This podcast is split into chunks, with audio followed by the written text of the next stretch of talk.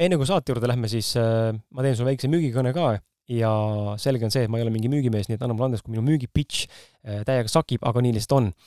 küsin sult esimese asjana kohe seda, kas sa oled varem mõelnud, kuidas oleks võimalik õppida erinevate edukate inimeste elukogemustest?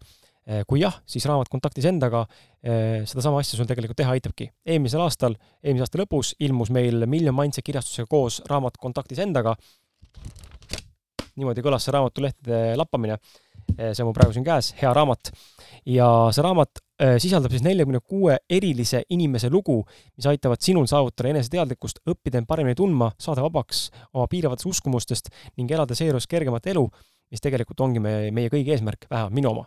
raamatus leiad vastused küsimustele nagu näiteks, kuidas olla autentsem, kuidas mõtlevad edukad inimesed, kuidas leida oma tee ja kirg, kuidas toimib ideaalne paarisuhe, kuidas saada lahti kompleksidest ja alaväärtustundest, kuidas vabaneda hirmust ja hukkamõistust, kuidas kuulata oma intuitsiooni ehk sisetunnet ja veel palju-palju teisi küsimusi, millele sa vastused saad, need kõik lihtsalt ei mahu praegu siia väiksesse reklaamiklippi.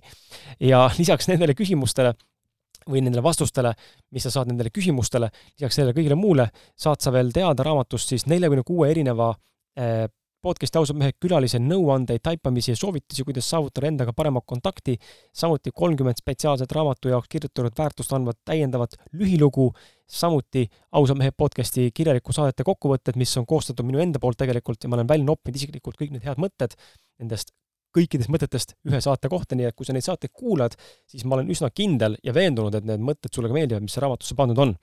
lisaks saad sa minu isiklikke mõtteväljendusi lugeda, ja samuti saad sa palju uusi teadmisi, praktilisi harjutusi, inspiratsiooni ja motivatsiooni sellest raamatust. ta on mõnus, mõnus käsikiri eh,, käsikiri jah, mõnus eh, käsiraamat, millega lattake endale või teistele vastu tatti anda verbaalselt ja kindlasti sealt motivatsioon sulle tuleb. raamat Kontaktis endaga eh,, ausad vestlused elus ja pildis, esimene osa kirjeldab esimest sadat maha peetud ausat, autentset ja värskendavalt toorest vestlust. kui sa soovid seda raamatut endale saada, siis ole ja mine külasta kriskala.com või miljon.ee lehekülge, minnes nende e-poodi ning endale see raamat sealt ka saad siis endale tellida. tellides selle kriskala.com kaudu on raamat tulemas ka autogrammiga või pühendusega. raamatu hinnaks on seitseteist, seitseteist üheksakümmend viis eurot ja sellega on äh, meie reklaam läbi. Äh, saates saab mainitud üheksandat aprilli kuupäeva, mis on justkui selle saate esmane avalikustamise kuupäev, siis ma igaks juhuks mainin ära ka, et vahepeal on toimunud väiksed muudatused ja tegemist on tegelikult juba teine aprill, kui see saade välja tuleb, nii et see üheksanda aprilli info on vale, ma lihtsalt ei hakanud välja lõikama, sest et see on, oleks olnud päris tülikas see monteerimine, nii et äh, rohkem polegi midagi öelda. naudi saadet ja, ja anna tagasi mulle ka feedbacki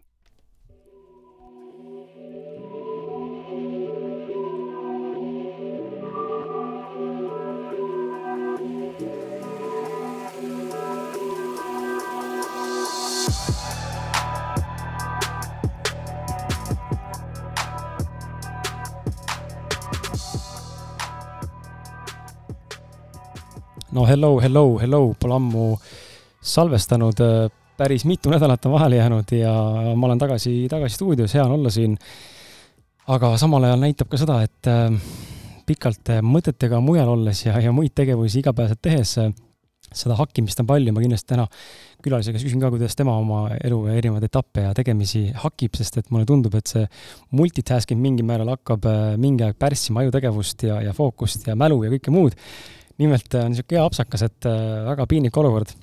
nii heas mõttes kui halvas mõttes, aga aga õnneks äh, Siim annab mulle andeks äh, ja ma heastan kuidagi selle, aga väga piinlik olukord, ma saatsin Siimule vale aadressi, kuhu alguses kohale minna ma ootasin, siis vaatasin, kell on pool juba, et Siimu ei ole, onju, huvitav, kus ta on.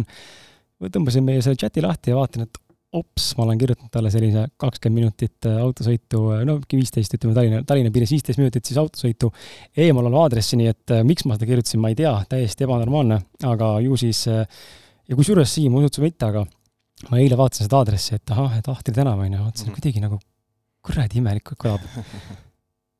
ja kuidagi oli nii võõras ja ma ei saanudki aru, et miks mul nagu sihuke imelik tunne tekkis, et kuidagi nagu, mis mõttes, et kas see on see aadress ei ole ja, ja ma ei, nagu kuidagi ei seostanud ära, et tegelikult oligi vale aadress ja nüüd talle see täna ei meeldi, nii et täiesti äh, väga huvitav, väga huvitav igal juhul, aga äh, paar kiiret äh, ülekäimispunkti ka sulle ja siis juba lähme tänase saate juurde tuleb mõnus, mõnus niisugune kahetunnine põnev vestlus ja, ja kõige tähtsam asi, äh, Facebookis, mine otsi üles seesama äh, saade siis või selle saate postitus ausalt mehed Facebookist. Ja ole hea, mine jaga ja jaga seda enda seinal, sellepärast et äh, tänase saate puhul siis on Siim olnud nii lahke, et ta on välja pannud enda raamatu, mille nimi on siis äh, Stressist tugevamaks ja see on äh, koos mõnusa rasvase pühendusega, nii et äh, see on päris rets raamat. ma sirvisin selle peaaegu et läbi, läbi lugeda ei jõudnud, periood oli väga lühike, aga ma sirvisin päris jõuliselt läbi seda ja seda mahtu on siin ikka, ütleme, niisugune noh, kolmesaja lehe jagu ja ta ei ole üldse, üldse nagu selles mõttes lihtne lugemine, eriti kui sa alustad, ma ei tea, kas siis biohackingut või, või ütleme nagu sellist ähm, natuke nagu detailsemat äh, inimese lahkamist ja anatoomiat kõike muud juurde, et ta on hästi, hästi äh, mahukas, sisutihe. Ähm, nii et äh, kui see niisugune teema, mis me täna siin räägime, või teema, millest me räägime täna saates sind huvitavad, siis mine vaata minu Facebooki, jaga seda saadet ja ühe õnneliku vahel siis see raamat läheb loosi. ühtlasi on lisaks Siimu raamatule siis tänase juubeli puhul, kuna täna on kahesajas episood, siis on välja pandud ka veel üks kingitus sulle äh, loosi jaoks, ehk siis sa saad lisaks raamatule veel ühe asja, kui sa osutud võitjaks. ja selleks on siis ähm, biohackingu bränd äh, Blackstuff ja, ja nende tooted. loodusega loodud ja teadusega kinnitatud, nii nagu Blackstuff ise ütleb Nende toodete ülesandeks on tasakaalustada meie organismi, viies kehast välja kahjulikke aineid, toksiine, raskmetalle, kemikaale ja nii edasi, aitas siis samal ajal kehal toidust vajalikke vitamiine ja mineraale paremini omastada. Blackstuff ühendab eh, puidust saadud ligniini ja musta pässiku ehk chaga, mida meie kehal on kerge imendada. samuti on Blackstuff tootes palju fulviinhapet, humiinhapet ja polüfenoole. tekib küsimus võib-olla siinkohal, et et, et miks, miks sul on Blackstuffi vaja Ehm, ma ei tea, kas on vaja või mitte, aga Black Stuff tooted võivad parandada seedetrakti tööd, võivad anda sulle rohkem energiat, kiirendada treeningujärgset taastumist, aidata unehäirete ja nahaprobleemide korral. mina hakkasin äh, tegema siin paar päeva tagasi pooleteise kuu pikkust eh, kuuri Black Stuff kapslitega. Black Stuff kapslid siis suurendavad kehavõimet rakutasandil omastada, toimetada vajalikke toitaineid, antioksüdante, rasvhappeid ja mineraale. Black Stuff aitab eemaldada kehast vabu radikaale, raskmetalle, keskkonnatoksiine, surnud rakke ja isegi viiruseid, nii et mine tea, võib-olla on ka Covidi puhul sellest abi.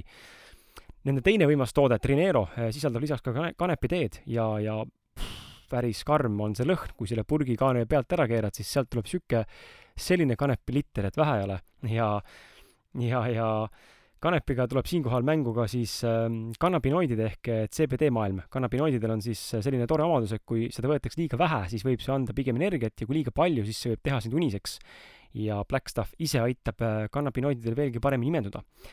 Trinerot siis äh, seda kanepi äh, versiooni nii-öelda, kanepiga versiooni võetakse üldiselt konkreetsemate tõsistemate terviseprobleemide puhul. Aga näiteks tänases olukorras maailmas, kus me praegu oleme siin Covidi puhul, on täiesti mõistlik igaks juhuks profülaktika mõttes võtta ja ma arvan, et ka ei tee halba, kui sul on juba ka positiivne tempel küljes.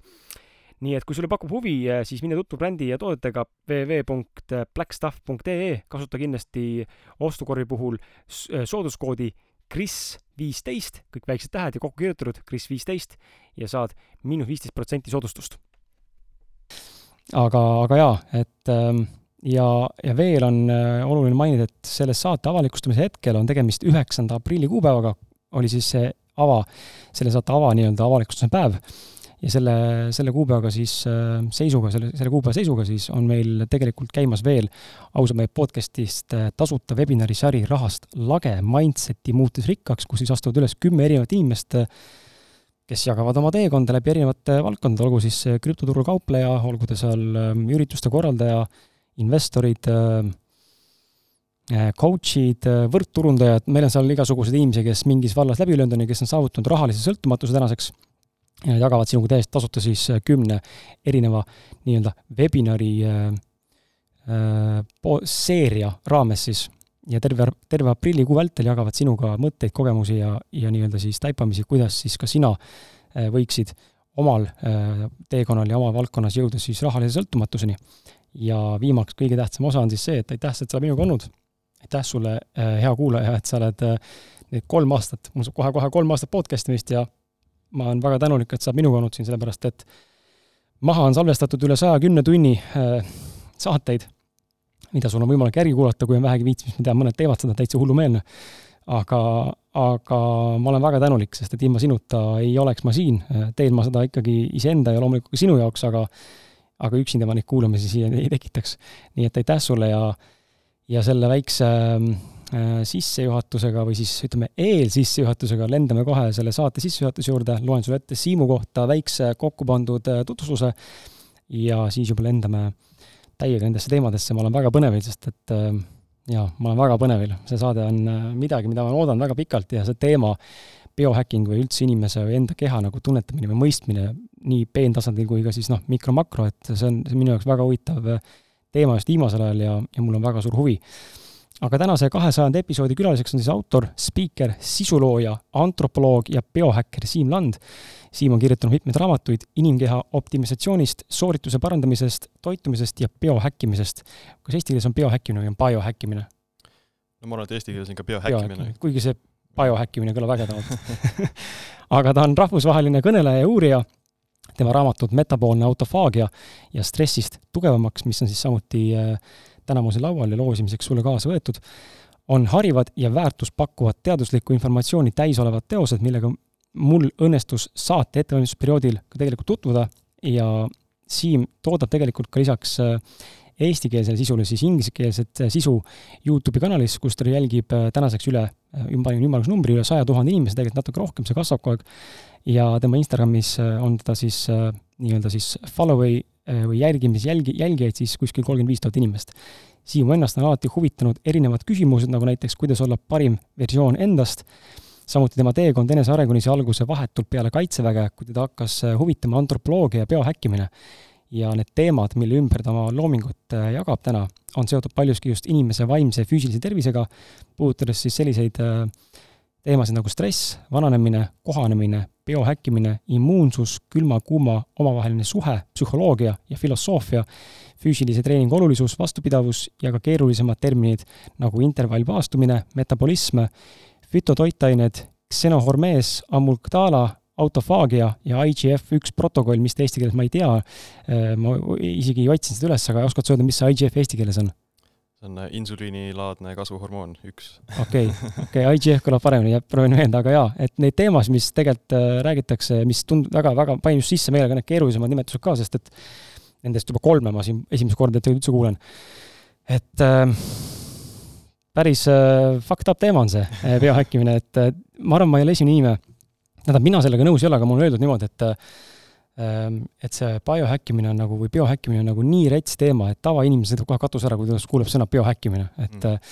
ja ma pean tunnistama, et ka mina ja ma jälle saan ainult oletada, et kas sul ka kuulaja niimoodi on, ma ei tea, aga kui ma esimest korda kuulsin biohäkkimine, siis äh, mina, mul isegi ei tekkinud ühtegi ettekujutust, mis asi see on, mul lihtsalt mm. tekkis mingi tunne, et see on nagu kuidagi seotud meie sisemise keha ja sellise mikrotasandi või, või mingite, ma ei tea, mikroskoopiliste elementide mingite asja muutmisega, et meil oleks jätkusuutlikum ja tugevam keha ja võib-olla siis mul kuidagi seostus kohe siis äh, noh, longevity ehk siis äh, pikaealisus nii-öelda tegi, seostus, sellega, tegelikult see on ju palju sügavam ja ja see ei pea ainult olema siis, nagu ma aru saan, ainult äh, sisemine, vaid see on ka välimine, noh, väliste, välise keha siis või välise elu biohäkkimine on ka tegelikult täiesti nagu nii-öelda nagu saadaval termin, on ju, ehk siis Lähme selle juurde, et äh, alustame stressist, ma olen need küsimused koostanud praegu mingisuguse kava endale kuidagi loogiliselt, me saaksime aru, sest minu soov tänase saatega on sulle, hea kuulaja, manada või noh, tähendab, mina olen vait, Siim räägib, et äh, loodan, et Siim suudab sulle manada lahti nagu pildi sellest, milline see biohäkkimine on ja, ja miks sa võiksid selle vastu huvi tunda.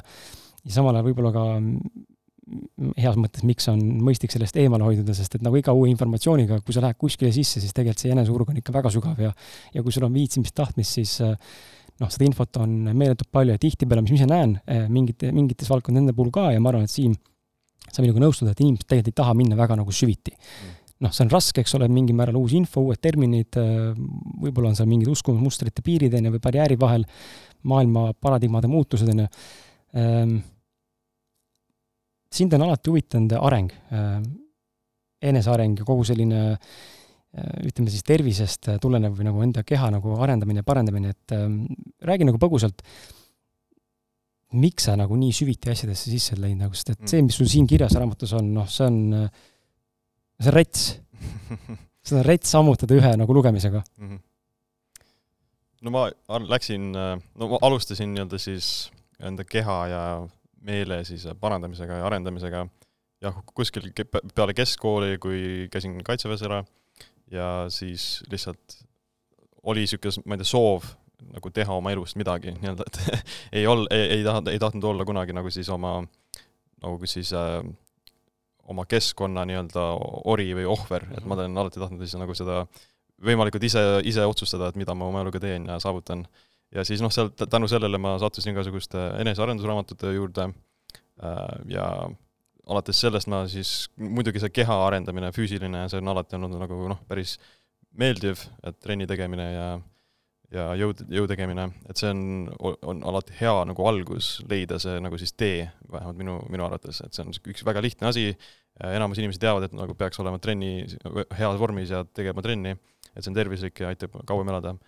ja siis tänu sellele ma sattusin ka selle biohäkkimise hulka, et noh, biohäkkimine ise on noh, võib kutsuda, et see on niisugune siis iseenda keha, vaimu ja ka keskkonna siis optimiseerimine mm -hmm. teatud tulemuse saavutamiseks, et see võib olla ükskõik mida, et sa võid, sa võid äh, biohäkkida oma nii-öelda oma toitumist, oma treeningut, oma und, äh, oma siis vaimseid protsesse ja oma keskkonda ka, et kas näiteks igasugused valgus, valguskiirgused, et mm -hmm. meie keskkonnal on väga suur mõju meie bioloogiale ja biohäkkeri nagu siis eesmärk on siis äh, leida nagu, on kõigepealt nagu aru saada, et mis, mis need tegurid, mis mõjutavad sinu keha ja siis selle informatsiooni alusel teha erinevaid tegevusi. paremaid valikuid. jah, paremaid valikuid mm -hmm. ja vastavalt siis oma, oma, oma näiteks geneetikale, oma, omaenda situatsioonile, oma harjumustele ja nii edasi. et see on väga, see on nagu personaalne, personaalne tervise dekodeerimine, et see on ka niisugune eestikeelne äh, vastand, niisugune tervise optimisatsioon.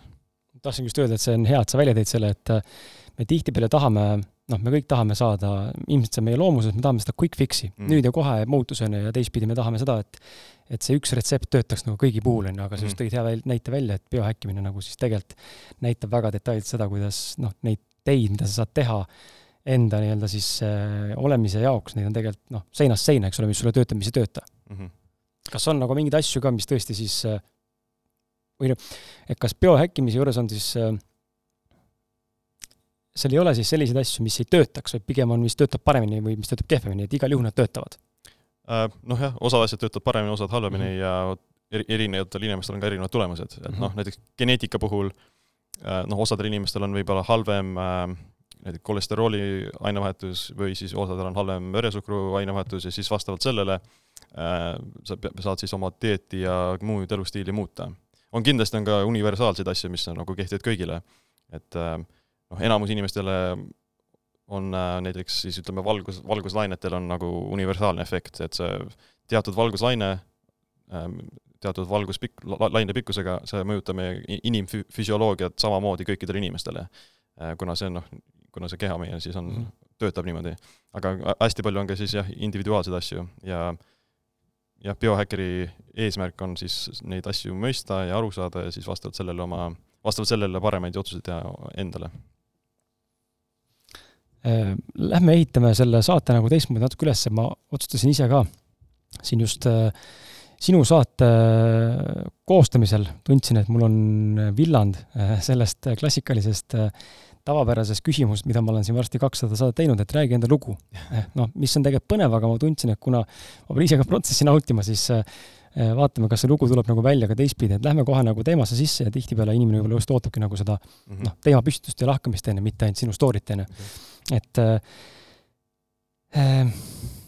tähendab, täna on meil epideemia nii-öelda, noh, epideemia, pandeemia, epideemia on nagu olemas ja, ja mingisugune viirus levib ja, ja siis on nagu natuke on skepsis, kas üldse on olemas ja kui võimas ta on ja meil on, mõnel on nõrgem immuunsüsteem, teisel on tugevam immuunsüsteem või mis iganes veel ja võib-olla see on argument, mis seal mängib rolli, kas sa saad siis täna selle Covidi või mitte, on ju aga kindlasti selge see, et noh, see raamat Stressi tugevamaks, see sõna stress on ilmselgelt, on üks faktoreid, mis mõjutab seda, kuidas sa reageerid välistele, ma ei tea, stiimulitele, tingimustele või mingitele asjadele, et äh, räägi oma sõnadega või nagu sinu arusaamine, mis asi on see stress äh, ja, ja mis on siis, mis on see suur vahe hea ja halva stressi puhul, sest raamatus tuli väga selge alguses välja tegelikult stress noh, stress oma olemuselt ei ole otseselt halb mm. -hmm. ja mingis mahus on isegi seda vaja. Äh, ehk siis räägi nagu natuke rohkem nagu sellest stressist lahti, et hakkame sellest kuskilt peale. jaa, noh, noh stress on äh, nii-öelda siis negatiivse mainega, et see tekitab niisuguseid halbu ideid ja halbu siis äh, mõtteid. aga noh, jah, nagu oma olemuselt on stress jah, neutraalne, et äh, definitsiooni kohaselt on stress lihtsalt siis keha keha tasakaalust väljas olek, et see on nagu imbalanss lihtsalt. et äh, meie kehal on siis, äh, keha hoiab alati homeostaasi, homeostaas on siis kehasisene tasakaal. ja see homeostaas on siis ka väga subjektiivne. Ja see, no ja siis nagu siis keha pidevalt päeva jooksul siis hoiab seda teatud piiri, piirides, piirides, et ja kui see läheb sealt piiridest välja, siis seda tekitab kehale stressi natukene muidugi on liiga palju, kui see läheb liiga kaugele sellest äh, tasakaalust, siis see tekitab väga palju stressi ja see tagajärjed on ka hullemad. aga kui sa lähed natukene, natukene sellest tasakaalust välja, äh, aga ei ole nagu hullu, siis su keha ikkagi on suuteline nendega uute nii-öelda siis normidega kohaneda ja lõpuks siis on võimalik ka oma siis keha stressi talumist, taluvust tekitada või tõsta seda, muuta seda suuremaks sellepärast, et liiga, kui ei ole, kui on liiga vähe stressi, siis see võib ka olla samuti nagu kahjulik teha kehale, et näiteks hea näide on trenn, trenni tegemine. et kui sa ei tee üldse trenni, ei liiguta, istud nagu terve päev arvuti taga, äh, siis su, sa, su keha ei koge nagu siis seda stre-, sellest treeningust ei koge stressi, aga selle tulemusena ka on ka ta siis ebatervislikum ja nõrgem. aga kui sa teed nagu siis õiges koguses trenni, sa koged seda natukene stressi, siis su keha muutub noh, tugevamaks ja tervemaks üleüld-, üldüldiselt oli homeostaas see õige mhm. sõna, kas ta on, kas ta on meil algupäraselt, ütleme siis äh, bioloogiliselt äh, või evolutsiooniliselt on ta nagu selles mõttes, äh, ma üritan siis mõelda, kuidas ma seletan sulle, et noh, et meil on kümne palli süsteemis nii-öelda, ütleme, et ta on alati, peaks olema kõigil viis. kas ta ongi viis või see, kui ta on viis, siis kas see tase, kus ta nagu, või need tasemed, kus ta on, et siis see, kas see nagu see skaala nagu, et see keskmes olemise skaala on mõnel inimesel ka laiem või nad ikkagi kõigil on nagu võrdselt see, et see on mingi kindel nagu anum või mingi kindel piir? Kindlasti on äh, osadel nagu siis see laiem, et osadel mm, -hmm. osad on jah, ütleme, et keskmine inimene võib-olla on äh, homöostaasis viie peal ja kui ta läheb kuue peale, siis ta hakkab juba natuke närviliseks muutuma või nelja peale, äh, aga siis näiteks on, ütleme, võib-olla inimesed, kes te-, on pidevalt nagu kogevad stressi, siis nad lõpuks kohanevad sellega ära ka.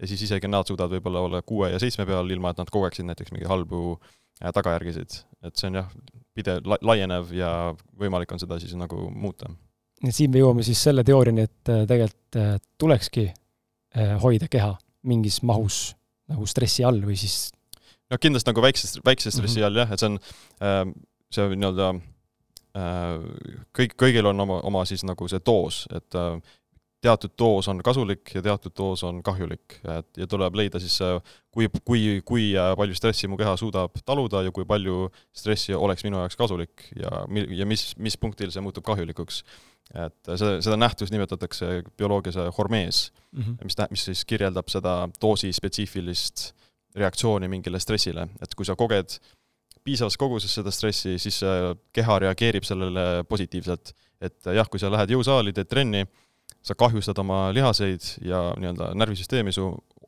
koheselt peale trenni sa oled nat-, natukene nõrgem.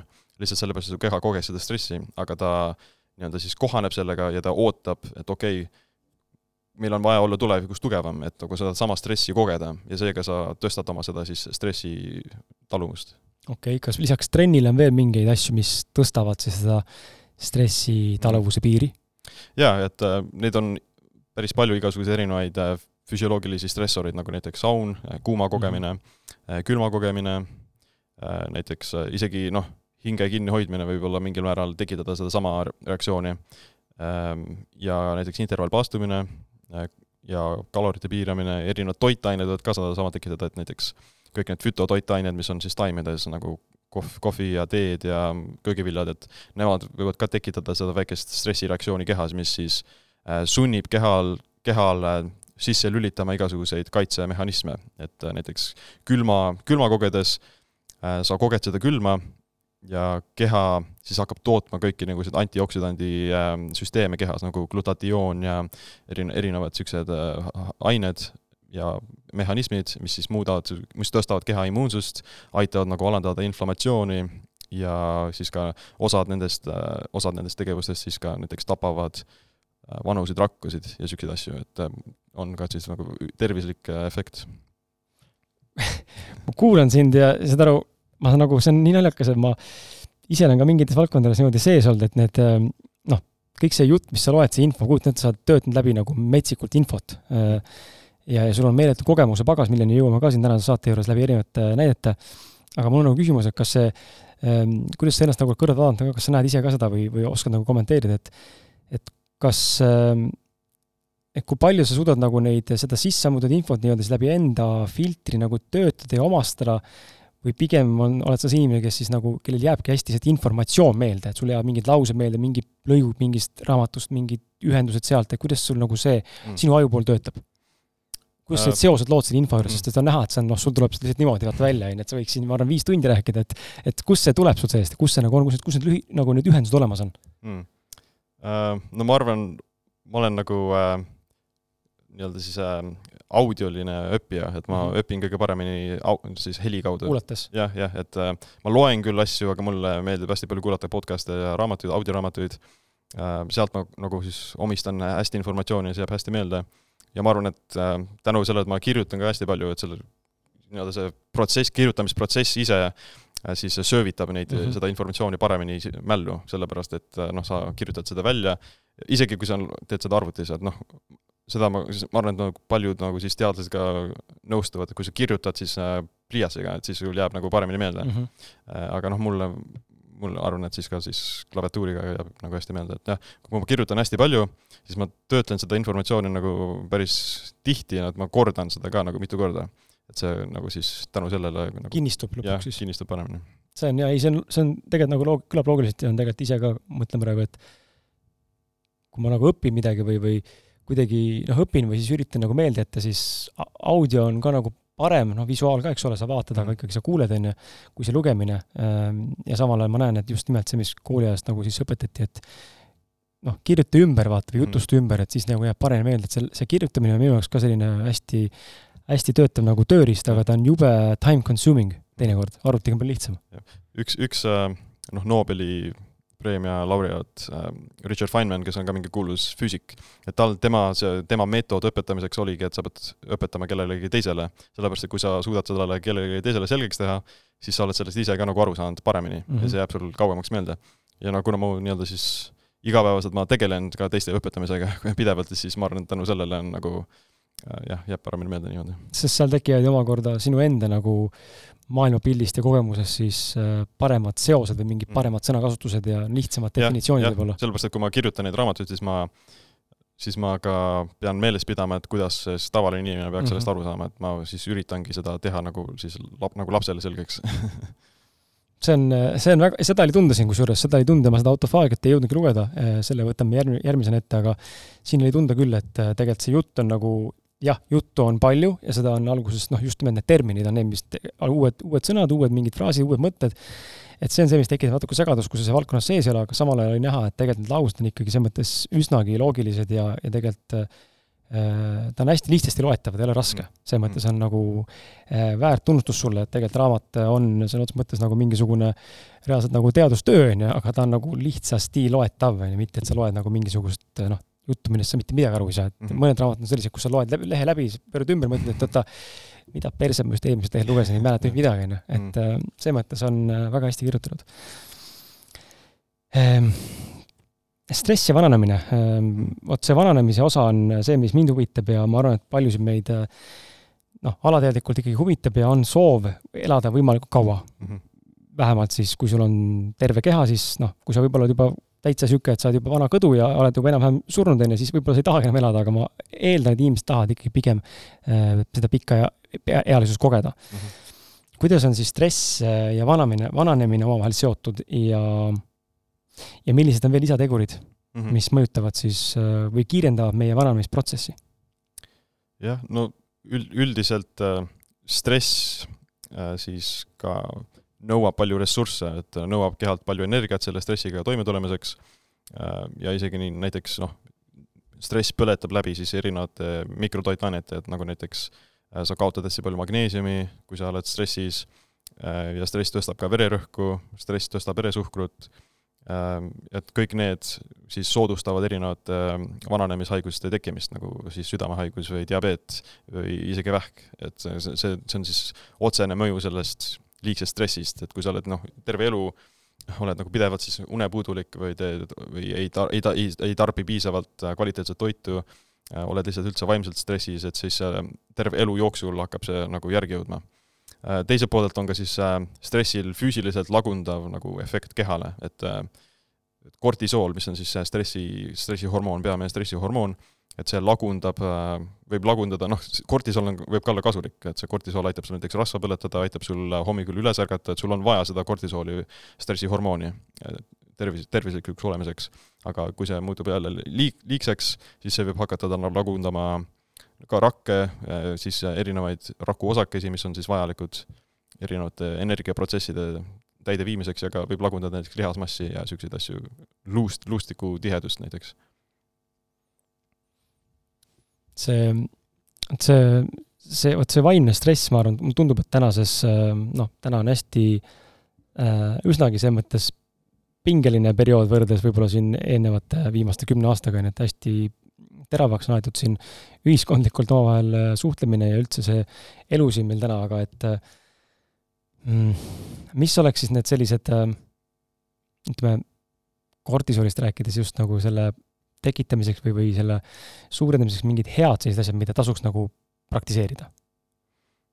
Äh, no ma arvan, et äh, üks kõige lihtsamaid asju, mida, või üks kõige kiiremaid viise on oma näiteks stressi maandamiseks, on minna näiteks loodusesse mm. -hmm. et tegelikult on, ongi nagu teaduslik termin ka selleks, et see on siis äh, forest bathing või metsas viibimine, et äh, metsavannist, vannitamine.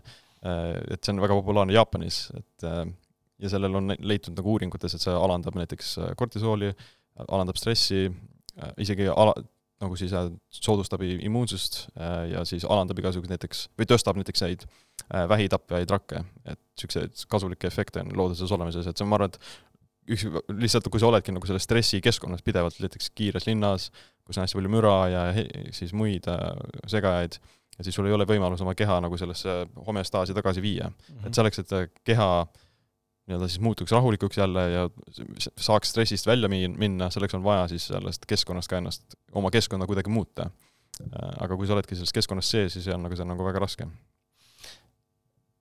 teoreetiliselt äh, ma võin eksida, aga ma ei tea, kas sa oled seda uurinud, aga et noh, platseebo, on ju, mhm. me räägime siin, räägiks praegu loodusse minemisest et üks asi on siis see, ma lähen reaalselt loodusesse ja olen seal nende linnulauludega ja, ja ma ei tea, tuulekohin ja näen neid puid, puid ja puulehti ja, ja ma ei tea, seda sammalt ja, ja mingeid muid asju veel juurde ja nagu kuulen, kuulen mere häält või, või midagi muud. aga kas äh, siis tehislikult, ütleme nüüd, tulles nagu niimoodi siis ütleme, biohäkkingi juurde, tehislikult endale see keskkond nüüd oma kodus luues, a la ma ei tea, panen klapid pähe ja -hmm. panen mingi Calm projekt, programmi käima või mingisuguse äpi käima või mingisuguse loodushäälega mängima, kas see nüüd teeb kehale, kas keha ei, kas aju ei saa siinkohal aru, kas ma nüüd olen päriselt seal või ma olen päriselt kodus, on ju, ja mul tulemus on sama või ikkagi siin on mingi erinevus? Muidugi saab, saab küll tegelikult, et äh, jah, selle jaoks ongi see biohäkkimine kasulik, et sa tood see, kasutad tehnoloogiat selleks, et äh, muu-, too, tuua oma keha jälle tasakaalu ja jah, kui sa oled näiteks linnakeskkonnas, siis sa saad kasutada erinevaid näiteks meditatsioonimeetodeid, äh, isegi on olemas näiteks niisuguseid noh, õhupuhastajaid ja niisuguseid asju, mis ka toodavad neid samu mingeid eeterlikke õlisid, mis oleksid äh, mida sa kogeksid näiteks looduses ka, et see on nagu jah, väga võimalik, et see on väga tõsi, et su aju ei tee vahet siis äh, füüsiliselt reaalsel ohul ja siis sellel ohul, mida sa kujutad ette oma peas. et see vaimne ja äh, psühholoogiline ja füüsiline stress on põhimõtteliselt sama asi, et su keha tegelikult kõik, kogu stress, mida sa koged, on tegelikult nii-öelda noh, enamus nendest on vähemalt siis äh, siis äh, psühholoogiline. et isegi, kui sa näiteks noh, lõikaksid oma noh, arm, armistad oma kätt, nagu lõikad mingi haava sinna, et äh, sa koged seda küll füüsiliselt, aga see stressireaktsioon on ikkagi vaimne, et sa koged seda valu ja näed seda ja see tekitab nii-öelda siis stressi. aga kui sa kogeksid näiteks sedasama mingit efekti või sama haava kuskil teises kontekstis, kus sa ei, nagu siis üle ei reageeriks, siis ei tekitaks seda nii palju stressi. et isegi näiteks sauna ja oled saunas, sa, temperatuur on väga kõrge, sa oled, higistad, sul on palav, see tekitab stressi, äh, aga sa noh, enamus inimesi ei muutu sellest nii-öelda siis, ei lähe närvi selle peale. et äh, aga näiteks, kui sa oleksid kõrbes, Äh, temperatuur on isegi madalam kui saunas mm, -hmm. aga sa oleksid näiteks paanikas, sellepärast et sa arvad, et sa oled ohus. nii-öelda see on nagu see, ja ainus erinevus ongi lihtsalt selles perspektiiv, kuidas sa mhm. vaatad sellele stressile. et see vaim, vaimsus ja psühholoogia on jah, põhimõtteliselt ma arvan, isegi palju tähtsam kui see füüsiline pool, sellepärast et sa suudad, sa suudad oma selle vaimse vaate, vaatemaailmaga muuta seda, kuidas su keha reageerib mingile stressile. okei okay,, see on päris huvitav, ehk siis piltlikult öeldes noh, me läheme nüüd hästi filosoofiliseks, aga tundub, et siin vastab tõesti tõele natuke sellest kvantfüüsikast, mida räägitakse ka, et see, et see, see, mida ma parasjagu ei vaatle, seda ei eksisteeri nii-öelda piltlikult öeldes, et noh, kui ma taha, selle, enda selle taha ei vaata praegu, siis mingis mahus kvantfüüsika väidab seda, et seda pole olemas senikaua, kui ma sinna vaatan. siis ta nii-öelda tekib, on ju, mingil määral. ma ei mäleta, mis see täpselt see õige, õige nagu definitsioon on sellel, aga mu mõte on nagu siis see, et ma saan kõik ju sõltub sellest, äh, mida ma parasjagu vaatlen ja millise tähenduse ma millelegi siis annan. et kas ma tähtsustan asja üle, on ju, noh, et näiteks mm -hmm. sauna puhul mul ei olegi hirmu või ohtu, on ju, vaid ma saangi aru, mul on kuradi palav ja ma ei taha, et see vend viskaks mulle kerisele juurde, siis lähen välja, on ju. aga kõrbes siis, kus mul võib-olla justkui, justkui väljapääsu pole, on ju, siis mm -hmm. tekib see eh, nii-öelda surmaohutunne, on ju, et aga kui suudaks nüüd kõrbes ka rahulikuks jääda, siis keha ei reageeriks, on ju, sest et mm -hmm. siis ma ei anna tähtsust sellele. jah, jah, et meie pers-, perspektiiv sõna otseses mõttes muut-, nagu loob meie reaalsust. ja siis vastavalt sellele perspektiivile meie rakud ka reageerivad sellele, et noh, meie rakkudel ei ole nagu siis aistinguid ja ja nad kõik, nad toimivad ainult siis läbi meie tajude, et mis, missugust tähendust me mingile tajule anname ja jah, ja kõik need helid, pildid ja puuted, need saadavad siis teatud sõnumeid meie aiu ja siis aju, aju tõlgib neid sõnumeid ja siis vastavalt, saadab siis vastavad äh, signaalid ülejäänud kehale ja siis keha toodab vastavaid hormoone vastavalt sellele signaalile, mis ta siis äh, kogeb.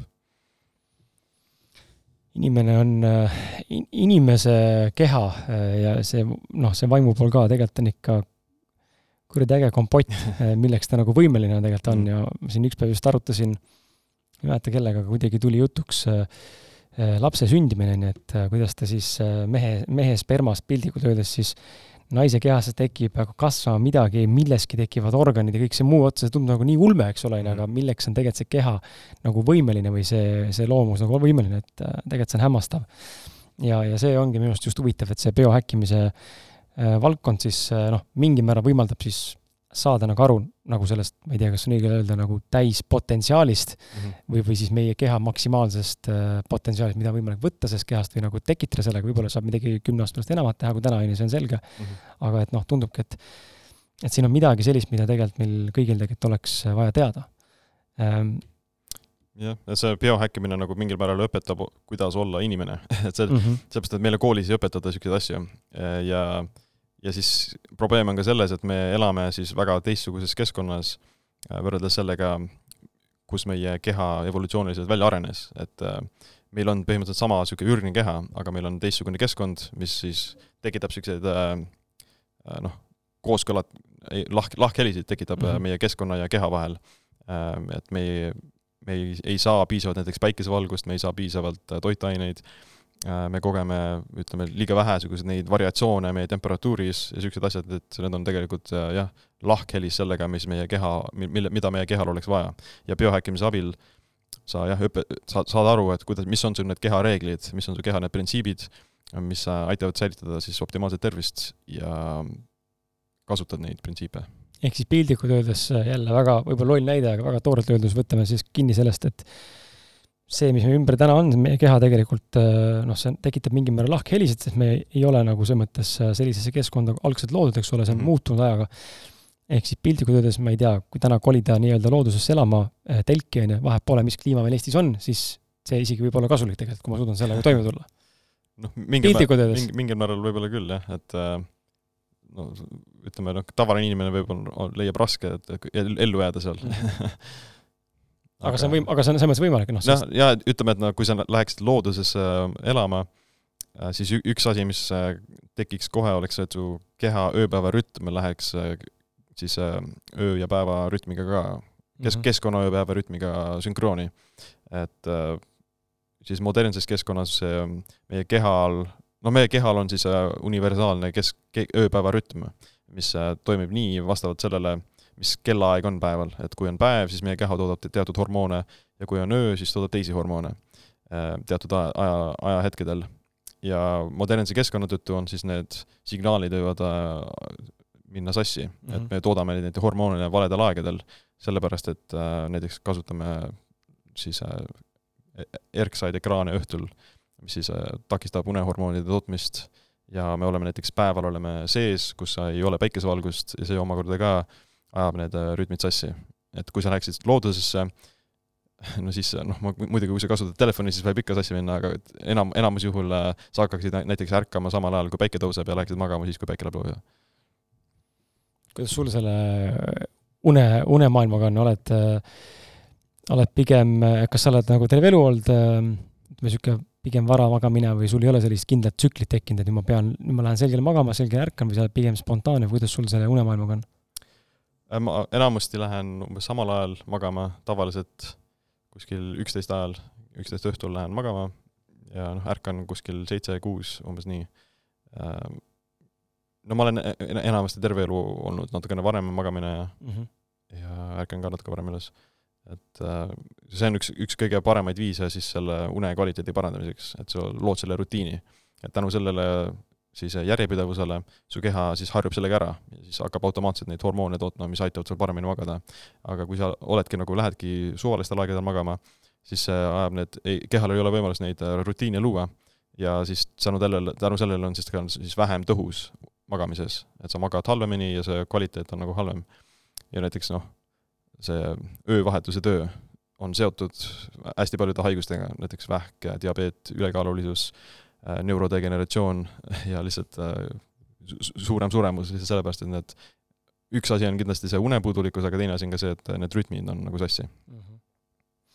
ma olen alati mõelnud, et, äh, et see öötööd, need tunduvad ikka nagu noh, vaata siin on jälle see, et võib-olla mõni kuulab meid ja ütleb, et kurat, kutid ei tea mitte midagi, millest te räägite, ma tunnen ennast suurepäraselt niimoodi, ma olen ööinimene ja päev magan, on ju.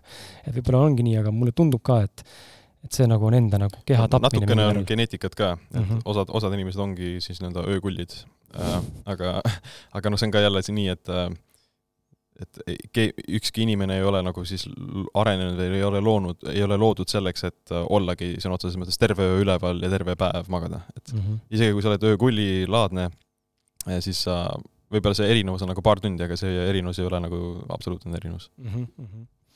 rääkisin vananemisest, et äh, mul siin üks Eesti tipphambaarste kunagi mainis äh,, tegelikult mõnda aega tagasi mainis mulle, et ta tegeleb äh, nii-öelda regeneratsiooniga siis nagu, ehk siis vananemisprotsess on peatatud. ma ei tea, mis ta selles mõttes, ma ei jõudnud selle, kuidagi ei jõudnud tol hetkel lahata seda asja, aga tundub, et see vananemise protsessi peatamine ja, ja nii-öelda siis ütleme, ähm, taas äh, noorenemine või siis tõesti siis täielikult peatamine, ma ei tea, kas see on võimalik, mis, äh, räägi meile sellest, sellest nagu maailmast, et äh, on see müüt või on see päriselt nagu reaalselt tehtav oma kehaga, et me oleme võimeline noh, mingis mahus või siis tõesti jäädagi nii-öelda kolmekümne eluaastase äh, kehatalituse juurde?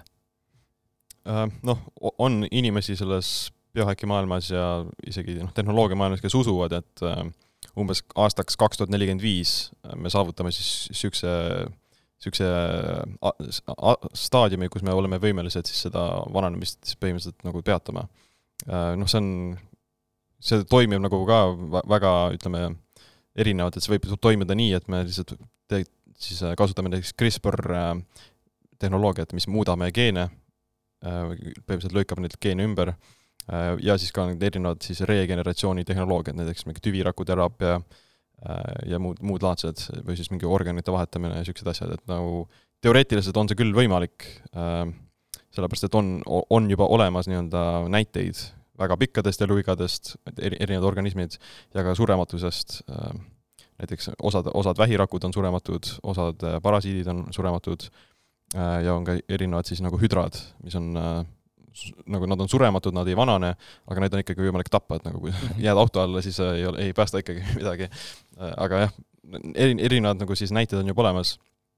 ja isegi on nagu osad loomi, kes vananevad, aga kui nad on siis nagu siis nagu eluea lõpus, siis nad taandarenevad jälle okay nooremaks, et et nagu teaduse abil nagu on teoreetiliselt võimalik äh, aru saada, kuidas need protsessid toimivad ja siis geeniteraapia abil äh, neid muuta, sest geeniteraapia on juba nagu praegu kasutusel. et isegi eelmise aasta Nobeli preemia füsi-, füsioloogilises meditsiinis anti selle CRISPR-i äh, tehnoloogia loojale, et äh, mis, mis põhimõtteliselt siis aitab su neid geene muuta ja no kuna geenid siis nagu määravad ära kõiki meie kehasiseseid protsesse, siis tänu sellele võib kasutada seda tehnoloogiat näiteks siis mingisuguse äh, noh, mingisuguste haiguste ravimiseks või ennetamiseks, et kui sa näed, et sul on mingid halvad geenid vä-, vähi jaoks või diabeedi jaoks, siis sa saad näiteks selle CRISPR tehno-, tehnoloogia abil äh, seda ümber lükata või vältida. oled sa ise isiklikult ka midagi sellist nagu tüvirakkude mingit, äh, ma ei tea, siidimist, paigaldamist, kuidas seda nimetatakse, katsetanud ei ole? ei ole, ei ole. Noh, isiklikult ei ole, aga näiteks tüvirakke, tüvirakuteraapiat nagu kasutatakse küll päris palju juba praegu mujal maailmas. kuidas see välja näeb, räägi sellest täpsemalt, et mul nagu puudub täiesti ettekujutus, mis no, tähendab? põhimõtteliselt tüvirakud, meie kehades on hästi palju tüvirakke, enamasti on need siis luuüdis ja ka raske, raskudes. tüvirakud on siis nagu niisugused ütleme, universaal, universaalsed rakud, mis suudavad kasvada ükskõik mis, missuguseks rakuks, et no põhimõtteliselt ongi need nagu siis meie rakkude reserv põhimõtteliselt ja elu jooksul meie rakud vana, aga neid tüvirakke ei ole nagu võimalik väga lihtsasti kätte saada, et nagu meie keha ei, automaatselt neid ei kasuta. on teatud nagu praktikaid ja tegevusi, mida saab ka looduslikult nagu soodustada tüvirakkude tootmist Äh, või vallandamist, äh, aga siis selle tüviraku teraapia käigus sul nii-öelda siis süstitakse või võetakse siis nagu äh, luuüdist neid tüvirakke, siis töödeldakse kuidagi ja siis süstitakse tagasi ja neid näiteks kasutatakse praegu erinevate vigastuste ravimiseks, et kui sul ongi mingi õlanikastus ja midagi või niisugune mingi suurem vigastus, siis tänu sellele saab neid ka siis kiirendada taastumist. ja on ka nagu vana, siis vanu, vanu inimesi, pensionäre, kes nagu kasutavad seda, et anda näiteks elujõudu juurde ja siis elu, terviseiga pikendada, et terviseiga on siis see, kus sa oled siis terve ja funktsionaalne, aga eluiga on siis su nagu see bio äh,, kronoloogiline vanus mm. -hmm. mul tuleb selle tüviraku jutuga tuleb nüüd meelde, ma vaatasin mingi aeg Tom Bilyeu saadet, kus oli see nime, nii tuleb meelde, on see üks biohäkker, tumeda peaga sihuke kolmekümnendate lõpus äkki meesterahvas ähm, ultra mingi maratoni jooksnud, pikema kasvu selline, ma ei mäleta, mis nimi on praegu. rääkis sellest, kuidas tema tegi seda tüviraku nagu äh, teemat samamoodi, kuidas ta siis võeti kuskilt selja pealt erinevatest nagu kohtadest võeti seda ja siis nagu paigaldati tagasi ja naisele tehti sama protseduuri läbi nii-öelda mingisuguse noh, väga pika perioodi vältel mm, -hmm. käis väga tihti. Ja siis väidetavalt tal see vanus äh, aasta, aastanumber nii-öelda siis noh, piltlikult öeldes, kui nad, kui nad seda mõõdavad, eks ole, ma ei tea, kuidas mõõdetakse, aga ta oli pärast seda kümme aastat noorem mm. -hmm et äh, see, see tuli, see oli väga huvitav kuulata nagu, et nagu kas, kas nagu tõesti, et what the fuck nagu lihtsalt. üks noh, see üks põhjus, miks see nagu nii toimib, on ka nii see, et nagu vananemise käigus, mida vanemaks me saame, meie nii-öelda keha muut-, noh, muutub nõrgemaks ja muu-, hakkab nagu halvemini töötama. et kõik organid vananevad, rakud vananevad, energia toot-, energia tootlikkus alaneb ja siis, kui su keha toodab vähem energiat, Ehm, ja ta funktsioneerib halvemini, siis ka muu, siis on kergem haige, siis on kergem haigeks jääda ja ja vananed ka sealt selle tõttu kiiremini, et su keha ei suuda siis näiteks äh, keskkonna stressoritega toime tulla, kuna sul on vähem siis nagu elujõudlikkust.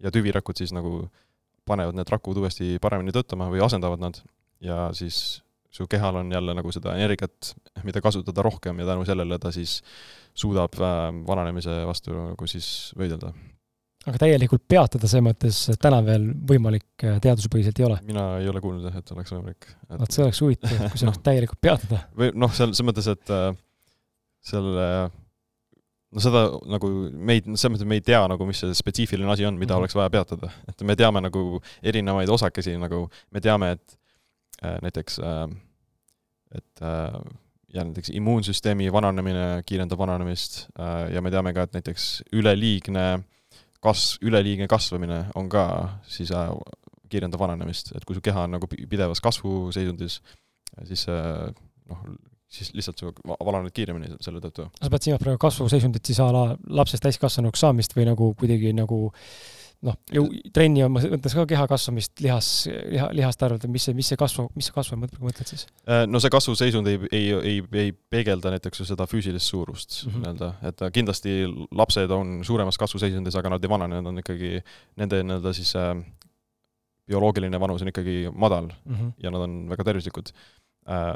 See kasvuseisund äh, peegeldub näiteks rohkem ka lihtsalt nende hormoonide poole mhm. pealt, et kui su keha toodab neid kasvuhormoone siis ta on selles vananevas seisundis, et äh, et sa võid olla nagu väga ka kõhna, et sa nagu ei paista välja, et sa kasva-, kasva-, kasvaksid, aga su keha on ikkagi näiteks äh, siis selles kasvavas seisundis, et noh, näiteks kõrge veresuhkur hoiab ka neid, sedasama signaali üleval, et kui sul on näiteks siis diabeet või äh, insuliiniresistantsus, siis äh, kiirendab vananemist kindlasti väga, väga lahe on, väga lahe, see on, see on nii rets info, et äh, mul tekib nagu väga, tekib üha rohkem äh, huvi sellesse kõike süveneda, aga, aga siin tekib ka omakorda see küsimus, et ähm, noh, vaata mõne valdkonnaga on, vähemalt võib-olla see on jälle ainult äh, alguses niimoodi, aga on niimoodi, et kui on nagu liiga nagu palju uut informatsiooni, siis on nagu hirm nagu ette võtta või sellesse valdkonda sisse nagu minna, aga tegelikult sa tunned ära, et kurat, midagi nagu kõnetab, aga sa tead täpselt, et noh, et ma pean olema järgmine Siim Land, et siis saaks nagu aru, mis toimuma hakkab, on ju, sest et sa oled ju panustanud siia sellesse teekonda, ma ei tea, kümme pluss aastat juba kindlasti äh,. vähem, tiba vähem. Mhm. aga olen mingi sa, kuus aastat umbes. aga no sa elad ja hingad seda nii-öelda seda valdkonda biohäkkimist ja seda teemat, selles mõttes, et sellest on mm. saanud sinu ju noh mm, -hmm. sa oled see, see on sina, on ju, piltlikult öeldes mm. -hmm. noh, et äh, kuida-, aga kuidas huvi pärast nagu, milline siis, milline oli Siim Land enne biohäkkimise avastamist, mis oli nii, kas suudad nagu meenutada, mis olid nagu sellised väga suured erinevused a la võrreldes mingit aspekte või valdkondi täna ja siis, kui seda valdkonda veel ei teadnud? Äh,? nagu väga, väga suuri erinevusi nagu ei, ei, ei ole, et äh, noh, ma olen alati olnud vähemalt ma olen alati suutnud süveneda nendesse asjadesse, mis mulle meeldib ja mis mulle huvi pakutab, et äh, jah koolis ma ei olnud nagu, ma olin hea, hea õpilane, mingi neli, no ütleks, keskmine oli mingi neli koma viis umbes, et äh, viie, viie, viie, viieline ei olnud, aga äh, kaheline ka ei olnud, et aga see ei olnud nagu niisugune asi, mida ma oleks nagu tahtnud nagu pidevalt teha, et see oli ikkagi niisugune distsipl-, distsipliini tulemus. Aga ma arvan, et selle biohäkkimise puhul äh, on see olnud, pakkunud mulle siis rohkem äh, siis äh, rõõmu või nautinud seda rohkem. Ja siis tänu sellele olen suutnud nagu olema siis järjepidevam aga see ongi vist äh, niimoodi, et kui sul on noh, mingi asja vastu meeletu huvi või nagu loomulik huvi, siis seda ongi lihtsam mm. endale meelde jätta või noh, see jääb siis lihtsamini meelde, sa oled vist rohkem avatud või ma ei tea, kas see on seotud kuidagi meie keha hormoonide mingite asjadega, aga tundub, et ongi, et kui noh, info ikkagi ei meeldi ja sul on mingi vastuolu, siis ega ta sulle väga meelde ei jää ka, on ju. Mhm. nagu kooli ajal paljud siin muretse-, muretsesid noored ongi, et vene keelt õppisid, aga mitte sittagi ei oska rääkida, on ju. no samas võid, samas võib olla ka nii-öelda siis äh, mingi asja hirmu poolest mm -hmm. äh, meelde jätta, et kui seal ongi, tekitab mingi asi väga palju hirmu või äh, kartust, siis sul tegelikult ka keha on nagu siis äh, nii-öelda siis valmis seda paremini meelde jätma, et kui sa oledki mingi stressirohkes olukorras või eluohtlikus olukorras, siis sa jätad selle paremini meelde mm. -hmm. et äh, see on kindlasti, osad, osad inimesed õpivad alles siis, kui nad, kui nende elu ongi mingis ohus või on, neil on mingi noh, probleem, et siis nad alles muudavad midagi, et nad leiavad, et neile diagnoositakse mingi haigus ja siis nad hakkavad alles nagu neid äh, elustiili muutma. aga teised, teised on siis nagu selle teise asja poole pealt motiveeritud, et nad tahavad selle mille, millegi poole jõuda. et nad tahavad jõuda sellesse seisundisse, kus nad ongi siis nagu energilised kogu aeg ja neil on, nad on tugevad, nad on äh, jah, hea, hea, hea enesetundega. tuleme siit äh, stressi juures sujuvalt toitumise ja trenni ja, ja, ja ka tegelikult paastumise teemade juurde alustame sellest äh, sinu äh, kogemusest, mis äh, ma kujutan ette, paljude jaoks on natukene šokeeriv ja selline, et nagu see, see nüüd küll võimalik ei et see vend, see vend valetab raudselt.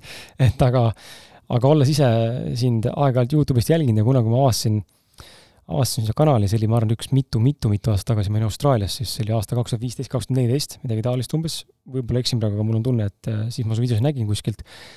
ja see oli mingi treiler seal kus oli nagu selline hästi lühike, see võib-olla oli, ma ei tea, kas see ikka alles on, aga ma ei, nüüd hiljuti vaatasin, siis seda kanali nagu enam ei viska üles, et võib-olla ta on kuskil seal videode siis äh, soppi vajunud, aga oli nagu enne highlight mingi trei-, treiler nii-öelda kokku klipitud, mingi niisugune montaaž, kus oli siis, oligi, et sa ütlesid mingi paar lauset ja siis näitasid mingit, a la see oli käteseis, ei mäleta, seal mingid jõusel ärtused olid seal, mingisugused mm. mingid asjad veel, et siis ma vaatasin, et mis kuradi vend see veel on, mingi eestlane, nagu mis asja, vend teeb inglise keeles videosid nagu, et väga huvitav, et pole kuulnudki. ja siis ma hakkasin süvenema ja ja siis nüüd siin aastatega natuke olen nagu jälginud ja, ja tuleme selle mm, omad ehk siis one meal a day toidukorra nagu või toitumise juurde, et äh,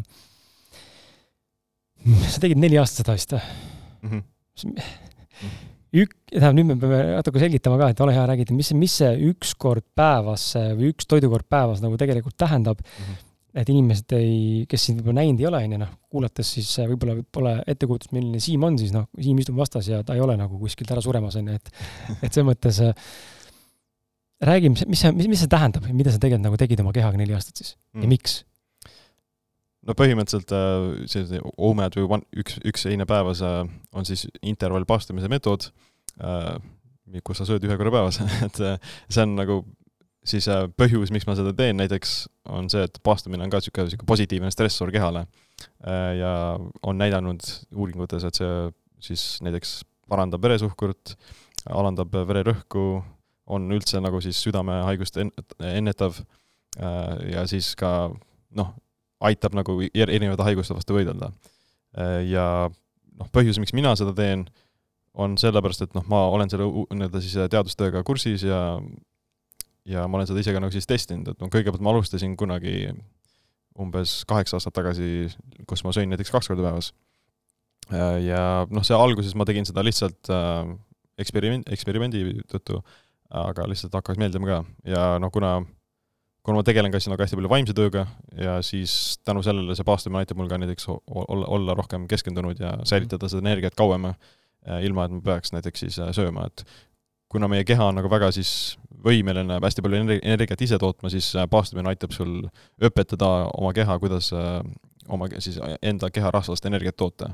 et me kõik kanname tegelikult hästi palju kaloreid endaga kaasas kogu aeg. et meil ei ole nagu teoreetiliselt ole vaja pidevalt mitu korda päeva süüa, äh, kuna me oleks võimelised seda siis ise tootma. ja paastumine, aga probleem on selles, et jälle see lahkheli meie evolutsiooni ja modernse keskkonnaga, et et äh, tegelikult äh, oleks, iga inimene peaks olema suuteline siis vähemalt nagu mitu tundi mitte süüa. Ja see oleks tegelikult isegi tervislikult mingil määral. aga siin võib-olla tekib inimesel ka küsimus, et äh, noh, näiteks mina, ma olen niisugune seitsekümmend kaks kilo, on ju, suhteliselt pigem nagu peenikene, ehk siis see ektomorf vist on see õige, õige nimetus, on ju, et ähm, kus sul see rasv on mm, -hmm. aga ometi kuskil ta on ilmselt org-, ma ei tea, organite ümber või kus ta, kus ta siis nagu, kus see rasv nagu ennast hoiab, et keha on võimeline siis seda rasva pöörama siis äh, energiaks ehk kaloriteks, piltlikult öeldes, et kuidas see siis nagu, kust ta, kust ta seda võtab seda siis? kui oletame, inimene on tõesti noh, piitpeenike inimene ja mm -hmm. sa näed, et ta on noh, skelett põhimõtteliselt on ju, kus see rasv on siis? noh, ütleme, isegi kui sa oled väga kõhne, isegi siis on mingi ühe, ühes, ühes kilogrammis rasvas on umbes seitse tuhat seitsesada kalorit ja meie igapäevane vajadus on umbes kaks tuhat kalorit, noh keskmiselt. et äh, jah, et isegi kui sul on, ja ütleme, tavaline inimene, isegi kui sa oled väga peenike ja kleenuke, siis äh, isegi siis sa kannad vähemalt noh, mingi paar kilo ikkagi rasva ja see on noh, naha all ja terve keha peale laiali laotud.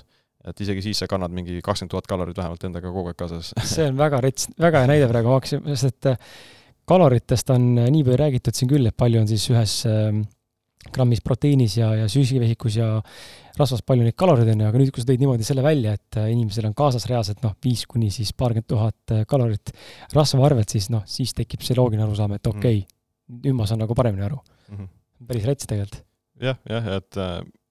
rääkimata inimesed, kes on siis ülekaaluline, kellel on tegelikult ju need äh, noh, kogused väga suured siis mm. -hmm. jah, ja aga noh, see on kindlasti ka see, et see paastumine ei tähenda, et sa oleksid nagu näl-, näl-, nälgimas või -hmm et sa, kui sa isegi sööd ühe korra päevas, siis sa saad ikkagi süüa, et sa, kui sa sööd nagu mingi ütleme, et nagu sel-, selleks, et nagu kehakaalu kaotada, sa pead ikkagi olema päevas äh, kaloridefitsiidis, et kui sa äh, põletad päevas kaks tuhat kalorit, aga sa sööd ühe korra päevas ja sööd ikkagi kolm tuhat kalorit, siis sa lõpuks ikkagi võtad kaalus juurde mm. -hmm. et äh, see paastumine, kui, kui rääkida kaalulangutusest, siis paastumist saab kasutada, seda intervallpaastumist saab kasutada kaalulangetuseks nii, et sa muudad selle nagu kaloridefitsiidi nagu lihtsamaks et sa lihtsalt piirad seda toiduakent iga päev ehm, ja ilma, et sa võib-olla tunneks, et sa nagu nälgiksid, vähemalt noh, paljud inimesed väidavad nii, et tunne on, et nad ei, ei ole dieedil, sellepärast et nad suudavad ikkagi süüa nagu vähemalt nagu suuremaid eineid. et noh, osadele inimestele võib-olla meeldib äh, väiksemaid eineid süüa, osadele meeldib nagu suuremaid eineid süüa, et nagu üleüldine nagu kaloraaž on ikkagi nagu see kõige tähtsam asi kas intervallpaastumine on äh, eesti keeles on see õige termin ka, ma vaatasin, sinu raamatus ei olnud seda, aga millegipärast kuskilt on, või tegelikult äkki oli ka lühiajaline paastumine? Äh, või see on vale, täiesti vale termin? Äh, no iseenesest ei ole, et no see lühiaja, lühiajaline paastumine, seda võib nagu, see on nagu subjektiivne ka väga palju, et mm -hmm. intervallpaastumine lihtsalt tähendab seda, et sa nagu siis vaheldud selle toitumise ja paastumise vahel, et noh, tegelikult igapäevaselt meil on intervallpaastumine mingil määral lihtsalt mm -hmm. erinevus on selle, et kui suur see söögiaken on ja kui suur see paastuaken on.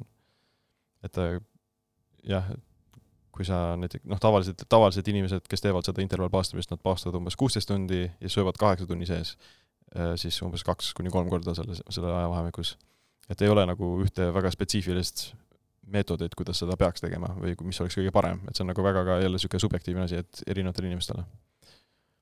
Kui ma aasta tagasi äh, intermittent fasting'uni jõudsin, siis ei olnud eesti keeles väga palju infot saada veel. Äh,, siis ma jälgisingi mingisuguseid Youtube'i kanaleid ja, ja lugesin seda, üks on see mingi doktor Michael, äh, nimi ei tule peale meelde, üks noor kutt ka, rääkis väga huvitavalt ja väga arusaadavalt sellest ja siis mul tekkis nagu huvi elukaaslasega koos siis katsetasime ja ja me tegime neid siis äh, nii-öelda siis kuueteist, kaheteist kuni kuueteisttunniseid paaste, ehk siis äh, siis nii, nii-öelda nii, nii palju me siis nagu noh, nii palju siis oli söömata piltlikult öeldes, kaheksa tundi öösel oli piltlikult öeldes, siis ma sain aru, et umbes kaheksa tundi peaks päeval vastu pidama, enne kui sa esimest korda sööd, on ju. ja siis äh, ma mäletan, kuna ma ei ole hommikusöögi inimene väga, mulle ei meeldi, siis äh, kuidagi tundus kõige mõnusam see, et ma jätan hommikusöögi vahele, läksin kohe trenni, jõusaali näiteks, ärkasin viiest, pool kuus olid juba My, MyFitnesses ja siis kuskil kümme, üksteist esimest korda sõid ja ma küll ei tundnud kuskilt, et kaal oleks kukkunud või oleks olnud nagu halb olla mm. -hmm. Ehk siis noh, muidugi esimesed, võib-olla esimesed korrad oli võib-olla, sest et äh, oli harjumatu, eks ole, aga vesi aitab alati või vähemalt siis aitas. aga nagu ongi huvitav näha, et äh, milleks on nagu keha tegelikult võimeline, kui palju me tegelikult iseennast äh, noh, selle, selle kogu aeg nagu väikeste selliste, ma isegi nimetaks neid näksimise perioodides kogu aeg midagi sööme, on ju, et -hmm. et nii tihti tegelikult isegi ei ole vaja ja, ja mis mind kõige rohkem hämmastas, oligi see kaheksa tunni reegel nii-öelda piltlikult öeldes, et pärast kaheksat tundi hakkab, hakkab siis tekkima kehas ähm, mis see õige nimetus on nüüd, ähm, aita välja mind, äh, mis see, mis see efekt on, mis tekib pärast seda, kui sa kaheksa tundi ei ole midagi söönud autofaagia või? jah, see, no seesama rasvade põletamine hakkab pihta tegelikult nagu reaalselt siis alles, nagu see nii-öelda ketoos. jah, jah mm., just ketoos, jah. et enne seda ei tekigi, et ja tihtipeale inimesed söövadki ikkagi noh, et seda, seda ei saagi nagu tekkida kehas, sest sa ikkagi sööd ju kaheksa tunni vältel tõenäoliselt rohkem kui ühe korra, on ju. tavainimese puhul, noh öösel mitte, on ju, aga muidu päeva jooksul. ja siis ma nägimegi, et okei okay,, et noh, kehal natuke peene inimesena ka rasv nagu kadus, ta nägi natuke oma keha, keha muutuses ka, aga noh, mitte küll väga drastiliselt, aga selliselt pani mind tol hetkel mõtlema, et uskumatu, et me isegi ei anna tegelikult kehale piisavalt palju puhkust, et teda nagu toetada, et kogu aeg on nagu mingi nuumamine sisse lusikaga ja lusikaga välja, on ju, et räägi sellest paastumisest ka, sest mulle tundub, et inimestel on paastumisest kui terminist ja, ja ütleme, praktikast või, või teadusest nagu täiesti vale arusaam, seda võrd-, võrreldakse mingi põhjusel nälgimisega, nagu siia ütles Mhm. juba, on ju, see on kus see nagu tulnud on, ma ei tea, on ju, aga, aga nagu mis see paastumine tegelikult on ja miks see, miks on paastumine kasulik või miks inimene võiks, kes täna meid kuulab siin, äkki võiks proovida või hakata proovima näiteks siis äh, sinu informatsiooni pealt siit, ma ei tea, seda kuueteisttunnist Mhm. äh, paastumist või, või hoopis siis ka äh, kahekümne kolme tunnist paastumist või ma ei tea, kui kiiresti sa ära sõid oma kalorid seal tunniga, kahega? jah, no see paastumine on ka niisugune asi, no mis äh, on hal-, halva mainega lihtsalt selle sõna pärast. Aga näiteks kui sa asendaksid sõna paastumine äh, ajaga piiratud toitumine, siis kõlab natukene teaduslikumalt ja paremini. et see, no tegelikult see on, praktiliselt sa teedki seda, et sa lihtsalt piirad oma seda päevast äh, toiduakent, kus sa tarbid oma kaloreid. ja noh, põhjus, nagu ma ütlesin, et milleks seda teha või mil-, mis need eelised on, on see, et enamasti aitab siis stabiliseerida veresuhkrut, alandab vererõhku, kaitseb südant ja alandab inflammatsiooni, põletikke, isegi tugevdab immuunsüsteemi, aga jah, kõige parem nagu siis kõige siis unikaalsem e-, efekt on see, et sa nii-öelda siis soodustad oma keha energia tootmist ja ei ole siis sõltuvuses pidevast näksimisest. üks nagu, rääkides nagu vananemisest ja niisugustest asjadest, siis paastumine on ka üks nendest meetoditest, mis soodustab nende tüvirakkude nii-öelda siis tootmist. Ja näiteks üks, üks väga teada-tuntud viis erinevate loomade eluea pikendamiseks on siis kalorite piiramine, mis siis tähendab, et sa sööd nagu vähem ja tavaliselt see peab, tähendab seda, et sa sööd, söödad sellele loomale umbes, umbes kolmkümmend kuni nelikümmend protsenti vähem toitu ja siis tänu sellele keha kogeb jälle sedasama positiivset hormeetilist stressi, hakkab tootma neid igasuguseid kaitsemehhanisme ja aeglustab selle, vähendab neid kasvuhormoone ja siis aeglustab seda vananemise protsessi. Aga noh, probleem on selles, et kui sa ütled inimestele, et selleks, et kauem elada, sa pead terve elu kolma, üks kolmandik vähem toitu sööma, siis on nagu okei okay,, ma ei taha mul on ükskõik. et see on nagu väga niisugune raske ja väga ei ole nagu nii ei, ei, seda, seda ei saa nagu väga kaua teha, et su keha tegelikult võitleb selle äh, kalorite piiramisega, et kui sa sööd vähem, siis on nagu nälja, näljatunne kasvab lõpuks nii palju, et sa siis mingil määral sööd selle tagasi. Aga paastumise puhul on see, et on leitud, et see paastumine siis äh, imiteerib äh, neid samu efekte, mis toimub äh, kalorite piiramise ajal, ilma et sa peaksid neid kaloreid vähendama. et äh, kui sa teed näiteks intervallpaastumist, mm, noh, ütleme, sööd ühe korra päevas või kaks korda päevas, aga sa sööd sama palju kaloreid, kui sa sööksid normaalselt, siis sa ikkagi koged neid samu vananemise vastu võitlemisi, vananemise vastu võitlevaid efekte selle paastuseisundi sees, sellepärast et see paastuseisund ise on nagu nii-öelda siis äh, Äh, noh, ütleme, kalorite piiramine ka on jälgimine, et sa sööd vähem, aga see on nagu siis väiksem stressor, võrreldes paastumisega, kus see stressor on lihtsalt suurem selle paastuseisundi sees. Äh, su keha on sunnitud neid, neid äh, kaitsemehhanisme ja neid kasvuhormoone vähendama, sellepärast et sa kogeb seda stressi rohkemalt. Ja siis selle tõttu see paastumine on siis nagu mingil mingis mõttes nagu tugevam versioon kalorite piiramisest mm. -hmm aga sellel on ka natukene vähem negatiivseid tagajärgisid, et sa, kui sa ka piirad kaloreid, siis sa nagu vältimatult äh, hakkad ka lõpuks lihasmassi kaotama, äh, hakkad oma siis selle kilpnääre funktsiooni, funktsiooni alandama ja tänu sellele siis sa ka tegelikult kaotad luustiku ja niisuguseid asju, aga mida sa, sa saad seda nagu vältida, kui sa teed siis seda paastamist või ajaga piiratud toitumist aga mm, okei okay,, see tähendab siis seda, et mingis, mingis ajavahemikus äh, me ei söö mitte midagi, me ei joo mitte midagi, aga kas ometi noh, mingi vesi või öeldakse, või kohvi või mm. kas on mingid asjad, mida võib tegelikult inimene ikkagi tarbida, mis seda paastumist siis nii-öelda ei mm. katkesta või, või ei, ei peata hetkeks? Äh, jah, ja no nagu teoreetiliselt sa võid isegi nagu mingi väga väikse toidu ka süüa seal sees. et kui sa sööd näiteks mingi sada kalorit mingit äh, toitu, siis see nagu teoreetiliselt ei murra ka seda paastu, sest see on nagu nii väike. Äh, aga jah äh,, erinevad nagu mulliveed kohvid, teed, niisugused asjad ei murra paastu jah, et nagu neil on nagu mingi kaks kalorit umbes või midagi nii, aga see nagu ei ole nagu märkimisväärne. ja isegi näiteks kohvi ja äh, teed, et nendes on tegelikult need taimsed äh, fütotoitained, mis tegelikult ka kiirendavad sedasama efekti, et kõik need polüfenoolid ja, ja niisugused no, happed ja niisugused asjad seal sees, äh, need ka tegelikult tekitavad kehas väikest stressi, mis äh, siis imiteerivad näiteks trenni tegemist, et su ko-, kofeiin ja, ja teed, nad siis nagu panevad su keha arvama, et nad teevad trenni või nagu panevad su keha arvama, et sa oled siis selles nagu stressiseisundis mingil määral. kui inimene tahaks nüüd hakata homsest äh, või noh, kohe tänasest selle jutu peale ähm, paastuma, intervalli paastumist tegema, nüüd cold turkey ehk siis äh, üks kord päevas söömist, et see vist ei ole mõistlik, on ju, kui ta pole harjunud sellega, pigem mis, mis on see nagu ütleme, sinu soovituslik selline lähenemine sellele siis, et äh, kui teil on tõesti huvi hakata katsetama sellega mm? -hmm. Jah, ma ei soovitaks nagu mingi väga pika pea, paastu peale kohe minna.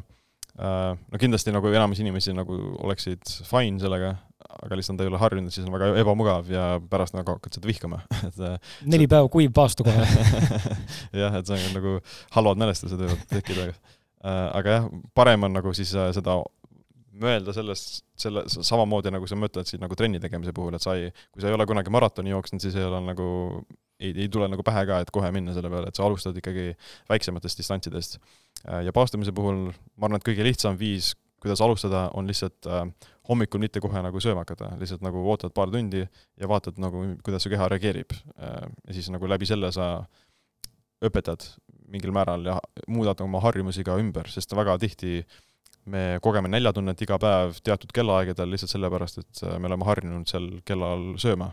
Ja kehal on ka nagu need igasugused rütmid, mis tekivad vastavalt harjumustele ja kui sa õpetad neid harjumusi ümber, siis su ka kaotad selle näljatunne sellel kellaajal, et äh, noh, mina isiklikult, mul ei ole nagu näljatunnet hommikul ja päeval lihtsalt sellepärast, et ma ei ole harjunud sööma sellel ajal. Äh, ja, sealt, sealt edasi minnes ja nagu järgmine samm oleks siis äh, paastada umbes kuni neliteist kuni kuusteist tundi iga päev, mis enamus inimesed teevad seda nii, et nad hommikul ei söö, söövad kuskil kell üksteist või kaksteist ja siis söövad jälle kuskil kell seitse-kuue ajal õhtul, paastuvad öösel, hommikul uuesti et see on nagu niisugune, selles mõttes, et alati nagu rohkem ei ole parem, et äh, kindlasti võib seda liiga palju teha, üle, üle teha äh, ja mida rohkem teed, see ei tähenda, et sa saad rohkem kasumit et äh, kindlasti on nagu see optimaalne doos ei pruugi olla nagu alati suurem mm. -hmm aga mis, oskad sa nagu seletada lihtsas keeles ka, mis fenomen selle siis vee joomise ja musta kohvi joomise näiteks on, et noh, et kuna need siis väidetavalt ei lõhu seda mm -hmm paastumisakent nii-öelda või nagu seda hetke, mis sa parasjagu tahad kätte saada, et mik-, miks neid siis võib nagu tarbida ja on see siis oluline, kas on mulliga mullita või, või üleni must või piimaga kohv või, või mis see nagu olla võib või miks ma neid võin tarbida? Ja, ja kas siis ongi see hetk, et kui mul on kõht tühi, siis nüüd, kui korisema hakkab umbes, tekib see tühja kõhu tunne, kus noh, reaalselt süda võib pahaks minna, eks ole, on ju, ja siis nüüd, nüüd vajutangi endale mingi, ma ei tea, liiter vett sisse või kuidas see nagu, mis nagu see protsess seal nagu, mis, mis on sinu soovitused mm? -hmm. Noh, ütleme, et keha siis äh, on erinevas seisundis, kus, kui ta on toidetud seisundis ja paastuseisundis. et kui ta on paastuseisundis, siis on ka teatud nagu siis äh, signatuurhormoonid ja signatuurkompleksid, mis to toimivad. Ja need, need protsessid on siis seotud siis katabolismi ja energia lagundamisega. ja näiteks niisuguseid näiteid on, et su insuliin on madal, et su kehal on madal veresuhkur ja su on siis rohkem ketoosi seisundis, et ta lagundab rasva ja toodab sellest energiat. kui sa oled äh, toidetud seisundis, kui sa oled midagi söönud, siis äh, need protsessid nagu langevad ja tõusevad siis anapoolsed protsessid, mis on siis kasvavad protsessid, et keha kasutab neid toitaineid, mis sa sõid, selleks, et äh, parandada lihast, kasvada ja siis taastada energiavarusid. ja see seisund on siis karakteriseeritud näiteks kõrge insuliini poolt, kõrgema veresuhkru poolt, madala ketoosi poolt ja ka kõrge siis kasvuhormooni poolt, et see näiteks rapamütsiin on üks suur äh, kasvukompleks kehas, mis soodustab siis äh, lihasmassi kasvu ja ka muude rakkude kasvu. et kui sa sööd midagi, siis kõik, mis nagu tõstavad seda insuliini ja seda rapamütsiini, need siis peatavad ka need, selle paastuseisundi protsessid. et nagu ei ole, kehal ei ole võimalik mõlemat äh, Äh, koos äh, aktiveerida, et ta on alati ühes või teises. kas ta on siis selles katapoolses seisundis või anapoolses seisundis. ja kui sa paastud, siis sa oled selles sügavas katapoolses seisundis ja kui sa sööd, oled anapoolses seisundis. Äh, kohvi ja teed, need, nad ei stimuleeri insuliini, nad isegi stimuleerivad rohkem seda katapoolseid protsesse, ketoosi ja rasvapõletust. ja tänu sellele siis su keha jääb sellesse paastuseisundisse. aga kui sa näiteks sööd näiteks mingit äh, noh, no mingi, millel on proteiin ja süsivesikud on enamasti need, mis stimuleerivad neid äh, kasvavaid protsesse. Äh, aminohapped, niisugused asjad. Äh, isegi rasv on niisugune poolenisti noh, kui sa liiga palju kaloreid saad rasvast, siis see lõpuks ikkagi ka tõstab neid kasvuprotsesse. aga kui sa, kui sa näiteks võtad nagu mingisugust noh, mingi MCT õli, niisugune asi, mis keskahela happe, happeline õli ja see tegelikult ei tõsta insuliini nii palju, et ta hoiab siin kuskil poole peal, et seal on küll kaloreid, aga see, see efekt on palju madalam võrreldes näiteks suhkru või mingisuguse aminohappega. See on äh, äh, heas mõttes paneb ohkama, et see on tegelikult nii kirju nagu maailm ja just nimelt äh, täna on nagu hea kuulata, ma loodan, et kuulaja nagu äh, tajub ka seda, et kui, kuivõrd detailne tegelikult või, või mm, teaduspõhine ja inforohke tegelikult see, kogu see toitumine ja üldse inimese anatoomia ja see füsioloogia kõik nagu on, et äh, me oleme ikka üks kuradi, kuradi keeruline mehhanism, mis on siia meile antud selle, kes iganes meid siin lõi, on ju, või tekitas, aga et see on, seda on nagu äge kuulata, et ähm, aga ma oletan, et ega sul iga päev ei ole niimoodi, et noh, et oletame, sa nüüd sööd seal neljast kuni kuueni, on ju, ja siis sa ülejäänud aja paastud. aga kindlasti on ju päevi, kus see tahab noh, sunniviisiliselt elu lihtsalt viib selle niimoodi, et ta mm -hmm. läheb nihkesse, on ju, kas siis, kui väga see mõjutab üks päev valesti kolmekümnest päevast või kuidas, kuidas sa nagu seal navigeerid, et seda mm -hmm. hoida tsüklit päriselt siis? no selles mõttes elu on jah, nagu kaootiline ja tegelikult mingis mä-, mingis mõttes on seda hea muuta, seda mustrit äh, aeg-ajalt, näiteks täna ma tegelikult sõin lõunat äh, sõpradega, sain kokku et äh, sellisel juhul ma nagu, ma ei, ma ei ole nagu nii neurootiline, et ma peaks nagu nendest reeglitest nii kinni hoidma, et no tegelikult ongi, need reeglid on lihtsalt minu elu enda mugavaks tegemiseks mm. -hmm. et kui on see mingisugune teine olukord, siis ma olen nagu paindlik ja olen võimeline neid muuta ja siis vastavalt sellele ka hiljem mingeid muudatusi tegema. et see ei pea, ei ole vajalik nagu nii siis rangelt nendest olla, olla kinni. et alati on, alati on jah, nagu hea tekitada mingisugust vaheldust vahel, vahetevahel isegi nagu kui mitte paastumise puhul, vaid isegi nagu toitainete puhul, et sa ei tarbi pidevalt ühesugust dieeti, et sa ikkagi muudad seda mingil määral mm -hmm. aeg-ajalt. see on äh, hea, et sa nagu ütledki seda vaheldumist, et äh, mu järgmine küsimus oleks ka olnud, et räägi, oled, mis, mis katseid sa veel toiduga teinud oled, et oled sa äkki, ma ei tea, erinevaid toitumisdieete või siis ähm, diet kõlab nagu nii vastikult eesti keeles, diet, ju, toitumisviise või, või ma ei tea, neid äh, toidugruppe, mida süüakse, eks ole, oled sa nagu neid katsetanud, oled sa toiduga midagi veel katsetanud peale selle, et üks kord päevas tarbimist äh,? jah, ma olen äh, tegelenud näiteks siis niisuguse ketogeense toitumisega päris pikka aega mingil moel. see on siis süsivesikute vaen, vaene nii-öelda jah, põhimõtteliselt, põhimõtteliselt keto, ketogeenne dieet on madal süsivesikud ja kõrge rasvasisaduga mm -hmm. toitumine et sa ei söö siis neid traditsioonilisi süsivesikuid nagu teraviljad, riis, puder, kartulid, niisugused asjad, suhkrud, puuviljad, neid ei söö, ja siis sööd rohkem siis äh, äh, igasuguseid köögivilju, mis on nagu madala süsivesikute sisaldusega, ja siis sellele juurde erinevad mingid äh, proteiine nagu lihad, munad, kala ja natukene rohkem rasvasid äh,, avokaadod, pähklid, oliiviõli, niisugused asjad. et äh, idee on selles, et see ketoos on siis niisugune seisund, kus su keha kasutab äh, rasvhappeid oma, oma peamiseks energiaallikaks äh, võrreldes mi-, mi-, selle asemel, et kasutada glükoosi. et kui sa, enamus inimesi kasutavad glükoosi kogu aeg, et meie nii-öelda siis äh, algne seisund, algne siis me-, ainevahetuse seisund, mida keha kasutab enamasti, on glükoos. ja ta kasutab ainult rasva siis ainult teatud olukordades. aga ketoosi seisundis, mis nagu evolutsiooniliselt ketoos äh, juhtus siis, kui sa näiteks äh, oledki näiteks paastumas või äh, sul on näiteks kuskil talve, talvekliimas, et seal ei ole nagu väga palju võimalust, võimalik saada igasuguseid puuvilju ja juurikaid, et seal inimesed söövad enamasti siis ka ras-, rasva, rasvarikkaid toite. ja siis su keha läheb lõpuks äh, ketoosi, ta põletab läbi oma need äh, äh glükoosivarud äh,, maksaglükoosivarud ja siis, kui maksaglükoosivarud saavad otsa, siis äh, hakkab äh, muutma siis äh, rasvahappeid ketoonideks ja need ketoonid siis asendavad glükoosi. Äh, ketoonid saab, neid saab kasutada siis ajus glükoosi asemel, lihased saavad neid kasutada. Äh, ja süda saab kasutada neid ja siis jah, seda on näiteks kasutatud epilepsia ravimiseks, sellepärast et ket-, noh, kui sa oled siis nüüd sõna otseses mõttes lülitunud oma sellesse keharasva sisse, siis sul on ka võimalik see parem juurdepääs sellele energiale. Äh, ja sul on jälle stabiilsem energia, vähem neid igasuguseid äh, kõikumisi, äh, vähem tegelikult põletikke, vähem inflammatsiooni ja jah, isiklikult ma nägin kõige paremini, et see vaimne energia on parem ja ei ole jälle niisugust näljatunnet. rääkides nagu loodusest ja ütleme, niisugust nagu metsikust loodusest või, või lihtsalt loodusest ja, ja taimedest, siis viimasel on päris palju juttu olnud just nendest äh, Äh, erinevatest noh, taimedest a la mingid äh, seened, eks ole, tšaga ja kasekäsn, eks ole, või mis iganes veel siin on nagu ka tavalised lihtsamad mingid taimed. et kui palju, mis sa nagu oskad öelda, et mis, mis on sellised äh, taimed või, või ürdid või noh, looduslikud nii-öelda andid, mida, mida me võiksime tegelikult igapäevaselt süüa, mis parandavad meie tervist või siis on, aitavad kaasa sellele pikaealisusele või, või mis iganes mil iganes muul, on ju, kas siis äh, lihasmassi ehitamisele või, või paastumise juures või mis, mis me võiksime nagu tarbida, noh, vanasti räägiti koodžimarjadest on ju, et ilgelt sööge koodžimarju, vaata. või, või mingit assaiid või, mis seal tegelikult veel on hmm.?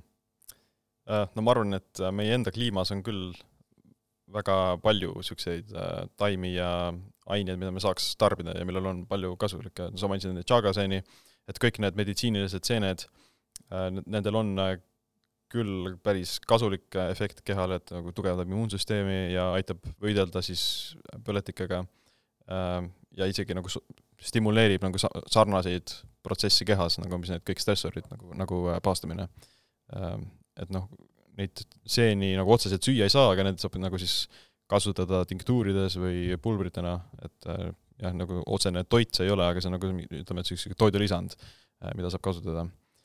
Kindlasti on kõik need marjad, äh, tumedad marjad, mustikad ja jõhvikad meie enda kliimas on nagu väga tervislikud, et need äh, kõik need fütotoitained on seal sees ja need on antioksüdandid, nendes on äh, kasulikke efekte näiteks rasvapõletusele, parandavad, aitavad veresuhkrut stabiilsema hoida, sellepärast et nad ei ole nagu nii suure suhkrusisaldusega kui näiteks kodimarjad või mingi muu puuvili, et ma arvan, et meie enda, meie enda kliima, kliima supertoidud on tegelikult palju tervislikumad kui mingi Lõuna-Ameerika supertoidud mm. -hmm. kuusevõrsed on väga popud asjad ka. jah, jah. mida pannakse C, siis? C-vitamiine on mm -hmm. palju, jah. Äh, jah, et tuleb lihtsalt ot-, osata otsida. ja kindlasti noh, oma, oma aia, aias saab kasutada igasuguseid ürte ja nagu roosmariin ja tüümiään, äh, et noh, nendel on nagu noh, ta on nagu väga toitainerikkad, et noh, neid ei saa nagu käega süüa, aga neid saab lisada ikkagi toidule juurde. Ja näiteks kui sa küpsetad midagi, siis need roosmariin ja niisugused aitavad siis kaitsta seda toitu selle kuumuse eest. Ja näiteks sellepärast, kui sa kuumutad toitu liiga palju, siis see oksüdeerub et neid rasvhappeid ja proteiine just eriti, ja need oksüdeerunud rasvhapped ja aminohapped äh, võivad tekitada, noh, soodus-, soodustada vähki või olla üldse nagu kahjulikud sinu kehale, et nagu neid mingis väikses koguses on kindlasti okei okay,, aga kui sa noh, üleliigselt tarbid neid, äh, siis ei ole kindlasti hea ja noh, lihtsalt selle roosmariini kasutades saad nagu vähendada seda efekti mm. -hmm. Lähme, lähme nüüd siia biohäkkimise valdkonda on siin selle kohta ka mõned küsimused võetud ja ja, ja püüame nagu siis, me püüame, püüame nagu siis kuidagi nagu niimoodi rääkida, et inimene, kes meid praegu kuulab ja üldse mitte, üldse mitte kedagi halvustavalt ega alavääristavalt, aga, aga noh, see sõna juba iseenesest äh, paljusid hirmutab. räägime, mis asi on siis biohäkkimine äh, ja millised on need peamised äh, ütleme siis valdkonnad või, või ähm, ma ei tea, mis see üldnimetus neil on, ütleme siis valdkonnad ja aspektid, kust, kus biohäkkimist saab implementeerida oma elus ja, ja alustame sellest. äh,. no mina kutsun biohäkkimist äh, siis omaenda keha äh,, meele ja keskkonna optimiseerimine koos teaduse, looduse ja tehnoloogiaga, et äh, biohäkkimine ise kui nähtus on modernne asi, et äh, sul on nii-öelda see tehnoloogia, mida sa saad kasutada omaenda sisemaailma äh, ja ümbritseva maailma arusaamiseks ja mõistmiseks. ja siis vastavalt sellele informatsioonile sa saad jälle nagu teha teatud otsuseid omaenda elu, elu parandamiseks või teatud eesmärgi parandamiseks. et noh, biohäkkimisel, biohäkkimisel endal ei ole nagu eesmärki, et sa võid seda kasutada näiteks oma fookuse parandamiseks, oma produktiivsuse parandamiseks äh,, oma näiteks mingisuguse pikaajalisuse parandamiseks äh, või lihasmassi kas-, kasvatamiseks, et mis iganes see eesmärk on. sa võid kasutada mingi biohäkki tehnikaid selleks äh, lihtsalt nagu isegi, isegi ütleme, ütleme jah, iidsed inimesed või keskaegalised, keskaajalised inimesed, nad kasutasid ka nagu biohäki tehnikaid, aga neil olid tehnilised te,, neil olid teised meetodid selle jaoks, et mingi šaaman võtab mingisugust, mingit ürte ja mingit seeni sööb, et muuta oma mingit vaimset seisundit, et näiteks mingi saada mingisugusesse transiseisundisse, et see on ka tegelikult biohäkkimine. lihtsalt neil oli teine meetod selle jaoks kui tänapäeval me saame umbes sama või mingi teistsuguse efekti saavutada näiteks mingisuguse tehnoloogilise video, videoni abil, äh, ongi, kuuled nagu niisuguseid mingisuguseid äh, helisid või mingeid soundtrack'e, mis ka muudavad sul näiteks vaimset seisundit. isegi näiteks kõik apteekrid kas-, kasutavad nagu erinevaid toidulisandeid, ravimeid, selleks, et näiteks su vererõhku alandada, et see on ka tegelikult biohäkkimine Äh, nad ei kasuta seda terminit, aga nad oma olemuselt on see ka nagu biohäkkimine, sest sa nagu kasutad mingisugust äh, meetodit omaenda keha seisundi muutmiseks teatud eesmärgil. millised on, äh, milline oli sinu esimene, kui sa äkki mäletad mm., ütleme, biohäkkimise mm -hmm. viis ja mis, mis valdkonnas sa tegid seda? ma arvan, et intervallvastumine oli esimene ja ma tegin, alguses ma tegin lihtsalt nagu huvi pärast, aga noh, ma nägin palju kasu siis äh, produktiivsuses ja isegi noh, isegi nagu fitnessis, et see aitas nagu kergemini olla nii-öelda siis lahjem või madalama keharasvaga. kergem siis? jah, jah mm, -hmm. et see oli kergem nagu siis äh, süüa vähem kaloreid mm, -hmm. oli kergem niimoodi. aga ma olen ka teinud nagu meditatsiooniga äh,, tegelenud sellega äh,, muidugi saunaga ma olen käinud, you know, lapsest saati saunas äh,, Äh, aga selle külmaga tegelema hakkasin umbes ka, umbes noh, mingi kahekümnendates, noh, umbes mingi viis aastat tagasi. mis sa külmaga täpsemalt teed äh,? Lihtsalt nagu talisuplumine mm -hmm. või jäävann või niisugune asi, et, et äh, nagu see on näiteks kõige, kõige parem efekt on see, alandab nagu inflammatsiooni ja alandab äh, lihasvalusid ja mm, ka siis toodab neid antioksüdante kehas. veel üks nagu tehnoloogilise poole pealt, mis on nagu ütleme, rohkem nagu päris biohäkkimine, kus sa ikkagi kasutad mingit tehnoloogiat, on näiteks mingi une mõõtmine, et on erinevad une, unejälgijad, kes, mis vaatavadki siis sinu äh, unes, unestaadiume öö jooksul, et kui kaua sa veedad näiteks äh, sügavas unes, kui kaua sa veedad äh, REM-unes, kui kiiresti sa jääd magama, mitu korda sa üle, üles ärkad äh,, ja siis annab sulle mingeid teatud soovitusi vastavalt sellele. Vere, vere, vereanalüüs on ka, nagu saab kasutada biohäkkimisena, sest sa nagu siis sõna otseses mõttes vaatad, mis, mis sinu kehas toimub ja kas on vaja midagi muuta, DNA testid on biohäkkimine, sest sa siis nagu saad aru, et mis on sinu geneetilised soodumused, mis on sinu potentsiaalsed ohud, mida sa peaksid nagu vältima, sest hästi palju uuringuid on tehtud nagu erinevatel, erinevate nagu siis geenitüüpide puhul, et et missugused geenid tõstavad näiteks südamehaiguse riski ja missugused siis äh, tegevused seda alandavad jälle? mingi aeg, äh, see oli, ma pakun, see oli praegu kuskil paar kuud tagasi tuli Pealtnägijast vist oli ka äh, biohäkkimisest mingi väike sihuke episood, kus ka sina olid seal korra, ma nägin Zoomi vahendusel mm. vist ekraanil toodud.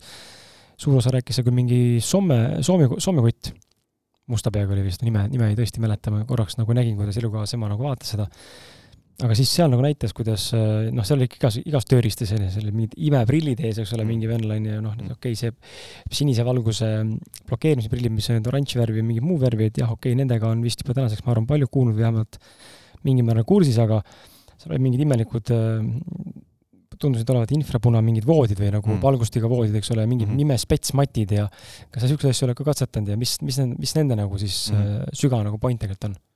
jaa, olen küll, et äh, nagu ütleme, see punase valguse lamp, see, selle nagu efekt on see, et äh, sa siis, see val-, see lamp saadab sulle äh, punast valgust, mis on siis umbes viissada äh, kuni kuussada nanomeetrit äh, lainepikkusel. et noh, kui päik-, päikesevalgus siis koosneb siis väga suurest äh, siis äh, sagedusest ja seal on erinevad valgused, sinine, oranž, roheline, kollane, punane, äh, lilla, et kõik need erinevad valgused on erineva efektiga meie kehal. päikesevalguses me saame siis selle täisspektrumi ja see spektrum ka muutub äh, päeva jooksul, et hommikul on rohkem sinine, õhtul on rohkem punane ja oranž, et äh, see punane ja oranž siis äh, tegelikult aitab kehal toota rohkem natuke unehormoone ja on ka muidu niisugune tervendav mõju, sellepärast et nagu öö ja magamise e-, eesmärk on siis keha parandamine ja taastamine. ja see punase valguse teraapia on seda kasutatakse näiteks nahakonditsiooni parandamiseks, lihas, lihase, lihaste taastamiseks, põletiku vähendamiseks ähm, ja, ja une näiteks parandamiseks, lõõgastamiseks. aga see ei ole nüüd selline tegevus, mida sa teed äh, a la kord aastas, vaid need on kõik tegevused, mida siis tegelikult oleks vaja praktiseerida kogu aeg siis järjepidevalt, pigem mm,? no ja no ütleme, et kui sa ühe korra aastas teeksid, siis sa nagu ei, ei kogeks nagu palju eelist, et no ütleme, et kui sa, e-, no see on nagu väga raske Eestis seda nagu praktiseerida, sest sa jah, saad seda ju ainult äh, päikesevalgusest õhtul, õhtul see päikeseloojang põhimõtteliselt. või siis no sa saad väga nõrgalt, saad seda näiteks äh, kaminatulest või niisugusest tulekoldest. Aga jah, ütleme, et enamasti me kogeme liiga palju sinist valgust õhtul. et meil on siis läpakaekraan, telekaekraan, mis, mis on väga niisugune, niisugune terav see osa sellest äh, spektrumist, me saame sealt ainult seda sinist ja rohelist valgust, mis äh, on ka kindlasti nagu kasulik teatud äh, ajahetkedel, nagu eriti hommikul ja päeva esimesel poolel, aga õhtul enne magamaminekut see tegelikult siis alandab une kvaliteeti ja võib ka siis ütleme, muid probleeme teki-, tekitada, sest sa, see ööpäeva rütm läheb sassi. Nii-öelda biohäkkerid, kes kasutavad seda punase valguse teraapiat, neil on siis mingi lamp kodus mida nad kasutavad siis äh, õhtuti või siis muul päeva hetkel ka. aga sul endal täna, mis, mis sa nagu en-, ise täna selles mõttes praktiseerid, et mis on sinu tänased nii-öelda noh, kui inimene mõtlebki, et huvitav, et hmm, mis see Siim siis täna teeb, on ju, et mis on sinu need äh, biohäki asjad, mis sa, mis sa praeguse oma elus nagu raudpolt nui neljaks, sa teed neid kogu aeg sellepärast, et nad mingi põhjusel, oled sa mm. otsustanud teha seda ja miks äh,? jah, ma ma, mina keskendun nagu äh, kõige lihtsamatele asjadele, et nagu see, ma arvan, need on ka ühed, kõige tõhusamad äh,. Üks asi, mida ma teen pidevalt, on siis see on mingi üks-kaks korda päevas äh,. teine asi on kindlasti jõutreening äh, ja üleüldine lihtsalt fitness äh,. kolmas asi on äh,, ma üritan oma und nagu siis väga optimiseerida ja seda hoida väga kvaliteetsena. Äh, ja selle ma mõõdan ka siis äh, une kvaliteeti millega sa seda mõõdad? mul on niisugune sormus okay. siin, et, et see on siin andurid sees ja siis jälgib sinu ajutegevust äh,. ja see info läheb siis eeldatavasti kuskile äppi, nagu jah, jah, telefoni äppi äh,. ja viimasena ma arvan, et ma teen äh, näiteks sauna, et see mm, Mhm. -hmm. mul on infrapuna ja tavaline saun. ja saun on ka siis näide sellest äh, hormeetilisest stressorist, millel on siis kasulik. ja uuringud näitavad, et see alandab äh, südamehaiguste riski äh, ja ka ütleme, kasulik äh, lihaste taastamiseks. tulles selle sõrmuse juurde, mis sa märganud oled? kaua sa oled kasutanud seda praegu? Äh, see on umbes kolm-neli aastat. okei okay,, ja mis sa oled nagu, ütleme niimoodi, kui nüüd nagu vaadata korraks tagasi, siis mis sa nagu oled nagu näinud selle analüüsi juures, et mis, mis on nagu muutunud paremaks või, või mis sa nagu, mis sa muutnud oled selle juures siis mm. jälgimise protsessi käigus? kõige esimene asi, mida ma nägin äh, umbes paari päeva pärast, kui ma kasutasin, oli see, et äh, et äh, no ma ka algu-, esimest korda kandsin siis, kui ma ei kasutanud neid sinist valgust blokeerivaid prille. ja ma nägin, et mu siis sügava une maht oli umbes viisteist protsenti väiksem pärast seda, kui ma hakkasin neid siniseid valg-, sinist valgust blokeerivaid pille kasutama. et see, noh, see minu endale siis tõestas seda, et need, et see sinisel valgusel on küll nagu päris suur mõju une kvaliteedile, et see sügav uni on siis nad viisteist, kümme kuni viisteist protsenti halvem, sellepärast et sa ei blokeeri seda ära. Ja kui ma blokeerin seda pidevalt, siis ma küll jah, sul see on kergem magama jääda, sellepärast et su, sa ei takista seda näiteks unehormooni melatoniini tootmist enne magamaminekut. mis, aga mis, mis, mis see ajavahemik peaks olema enne, oletame, kui mul ei ole neid prille, eks ole, ja ekraani ka vaadata tegelikult saan aru, et ei tohiks, on ju, siis mis on see periood minimaalne või siis vastupidi maksimaalne, mida tuleks siis ekraanidest nii-öelda eemal, eemal hoida, eemal olla mm.? no see, uuringud näitavad, et umbes, umbes kolmkümmend minutit on see periood, millal su keha hakkab uuesti seda melatoniini mm -hmm. tootma, et et kui sa vaatad seda ekraani, siis umbes kolmkümmend minutit läheb aega, enne kui su keha hakkab uuesti melatoniini tootma. aga kui sa nagu jätkad seda vaatamist, siis ei hakka, et, et jah.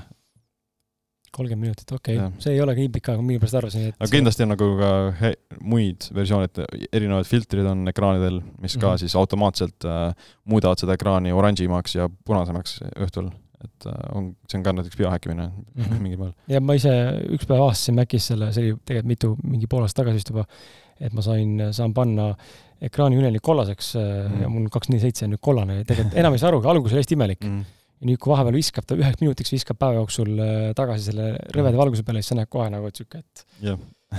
mida kuradikku rõve lihtsalt, enam ei suuda üldse aga vot neid prille ma olen küll mõelnud osta endale, kust, kust neid saaks Eestis või peab tellima hoopis või? Uh, Eestis, nüüd see üks, üks see Soome, Soome firma, kes tegeleb sellega, nad, nad müüvad Eestis ainsana. okei okay.. et nad on tegelikult isegi registreeritud Eestisse nüüd. Mis ettevõtte nimi on? jah, et Biohacker Center mm. -hmm. .com või .ee? .com? .com, jah. okei, okei ähm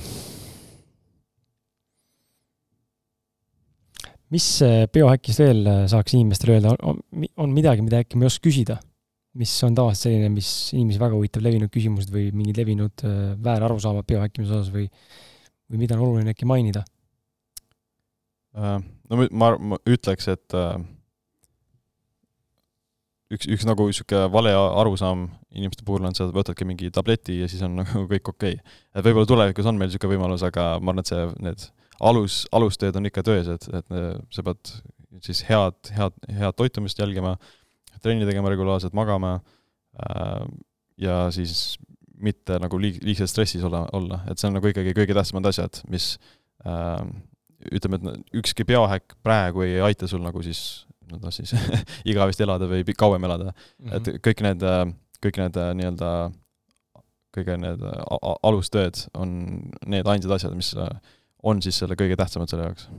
see on hea, et sa mainisid seda, et pigem need siis pulbrid või noh, ütleme toidu, toidulisandid siis on pigem ikkagi noh, mis on kõigile teada, aga vahel nagu sa ise tegelikult ütlesid ka, et inimesed tundub, et kipuvad unustama või kipuvad lootma, et see üks tablett või see üks teel niisugune täis pulbrit lahendab mu terve elu, on ju, viskan seda kümme korda. no aga mingid, mingites olukordades võib mm, -hmm. sellepärast et sa võid tegelikult kõik asjad teed okeilt, sa teed, jälgid neid häid reegleid, aga kui sa oled näiteks ikkagi näiteks magneesiumi puudulik ähm,, sellepärast et toit ei ole nagu nii piisavalt rikas selles, siis magneesiumi tabletina või selle toidulisandina võtmine on tegelikult hea asi, et sa võid näha seda, seda paranemist selle tõttu.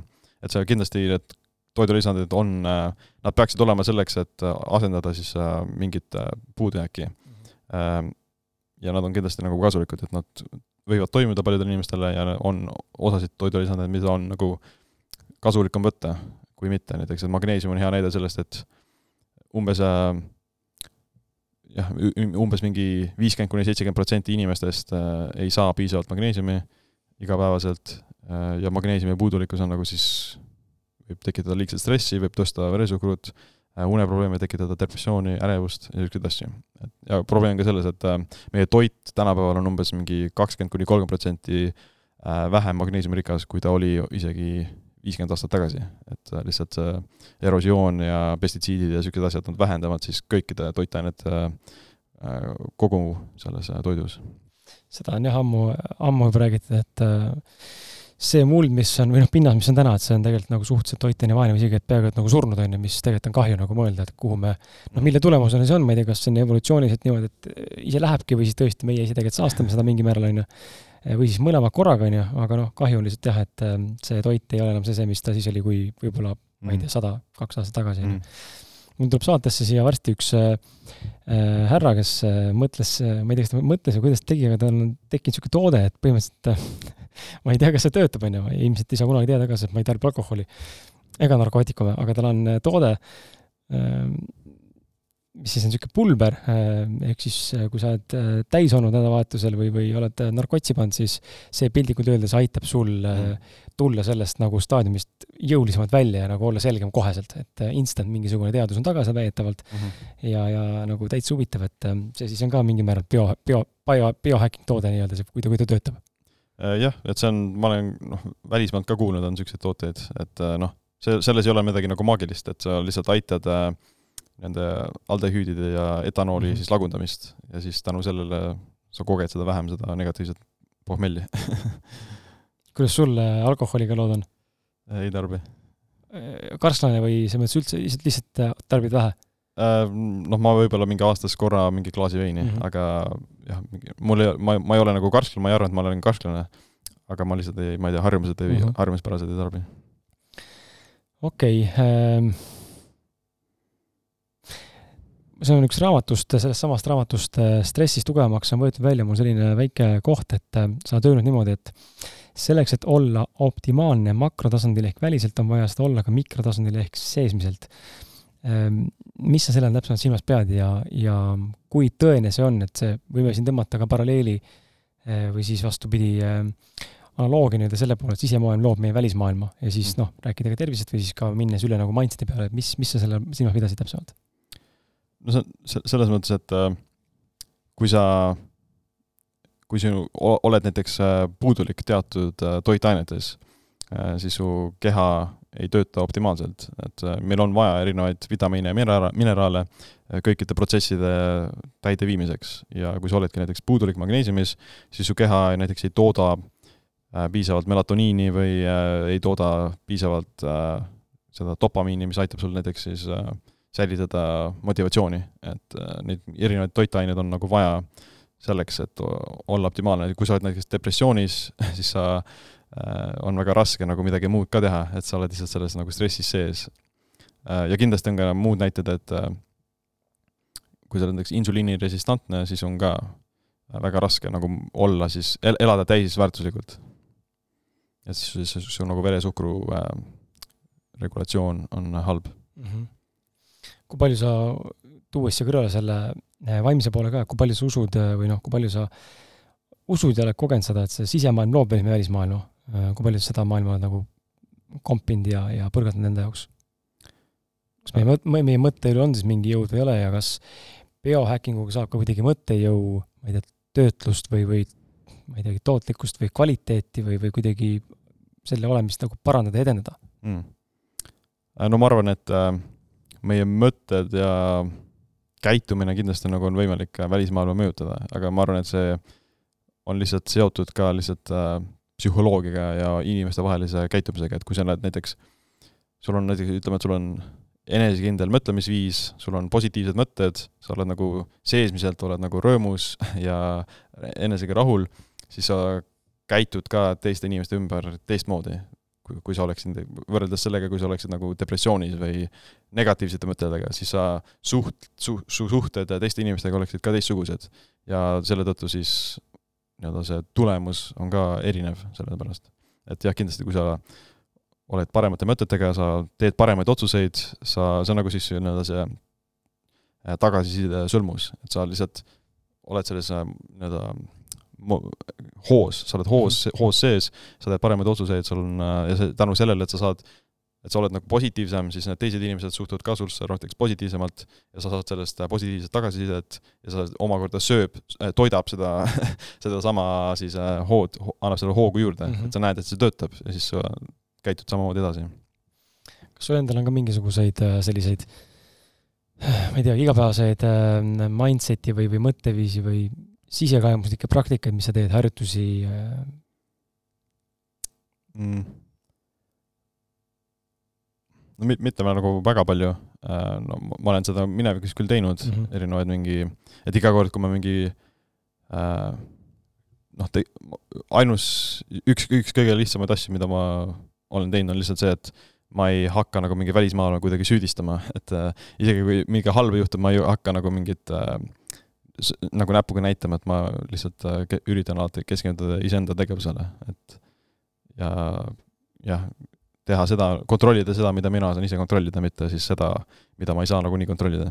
mis teinekord on väga raske, sest et äh, noh, väga tihti see maailm äh, ja teised inimesed, eriti kui nad on väga head peeglid, eks ole, nad kis-, kisuvad nagu selles mõttes või noh, üritavad kiskuda meid sinna sellesse mm, sellesse sündmustikku või sellesse nii-öelda reageerimisse, aga see oskus jääda nagu mitte reageerida ja teha oma asja, see on, see on hämmastav, kui see ühel päeval totaalselt suudaks nagu ära teha selle niimoodi, et mm noh, omastada ja õppida ennast äh, talitsema mm. -hmm mul on siin eraldi alapealkirjana või noh, ka punktina pandud ka elektromagnetilised lained ja kiirgused, et ähm, räägiks korra nendest ka, sest et see on ka biohäkkimise juures, nagu ma aru saan, suur osa ja tegelikult äh, täna siin ruumis ka meil on siin üsnagi tehislik valgus, eks ole, otse laes, on ju, et ähm, kõik need wifi'd ja 5G-d ja mis, mis, mis me nagu, mis sa nagu seal maailmas nagu tunned ja näed ja kas see on teaduspõhine, on see relevantne, on see lihtsalt meil mingi pseudohirm või seal on päriselt midagi sellist, me peaksime nagu vaatama, et meil oleks mingi mast ega post ümber, võib-olla ka kuskil metsas elada ja, ja ma ei tea, pole elektrit ja on tulekustus ja ööseks kuradi need pistikutest asjad välja võtta ja, ja wifi välja lülitada ja lennurežiimid ja mis asjad veel, et mm -hmm.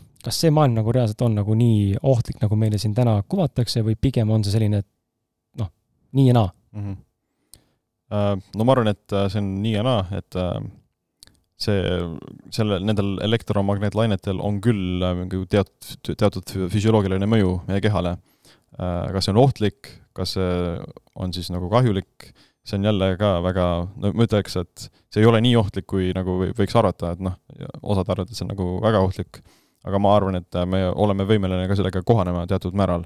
Et isegi, kui sa võrdleksid näiteks äh, inimesi viissada aastat tagasi võrreldes tänasega, Äh, siis tänapäeva inimestel on küll palju kõrgem talu, nagu see talupiir selle, sellele kiirgusele. Äh, lihtsalt sellepärast, et me oleme selle, selle sees üles kasvanud äh, ja keha on sellega ära harjunud mhm. mm. -hmm. mm. ütleme, et ainus probleem võib-olla on selles, et kui sa oled, osad inimesed on ka kindlasti rohkem tundlikud selle suhtes, mis omakorda võib tekitada neile probleeme, aga teised, teistel ei ole. ja samas on ka see, et me oleme selles nii-öelda siis tehiskeskkonnas kogu aeg sees ja meil ei ole võimalik äh, sellest äh, puhkust saada. et kui meil on, kui me anname oma kehale nagu võimaluse sellest äh, tehiskiirgusest siis puhkust saada, siis kehal on võimalik ka sellega kohaneda ja tugevamaks saada sellest.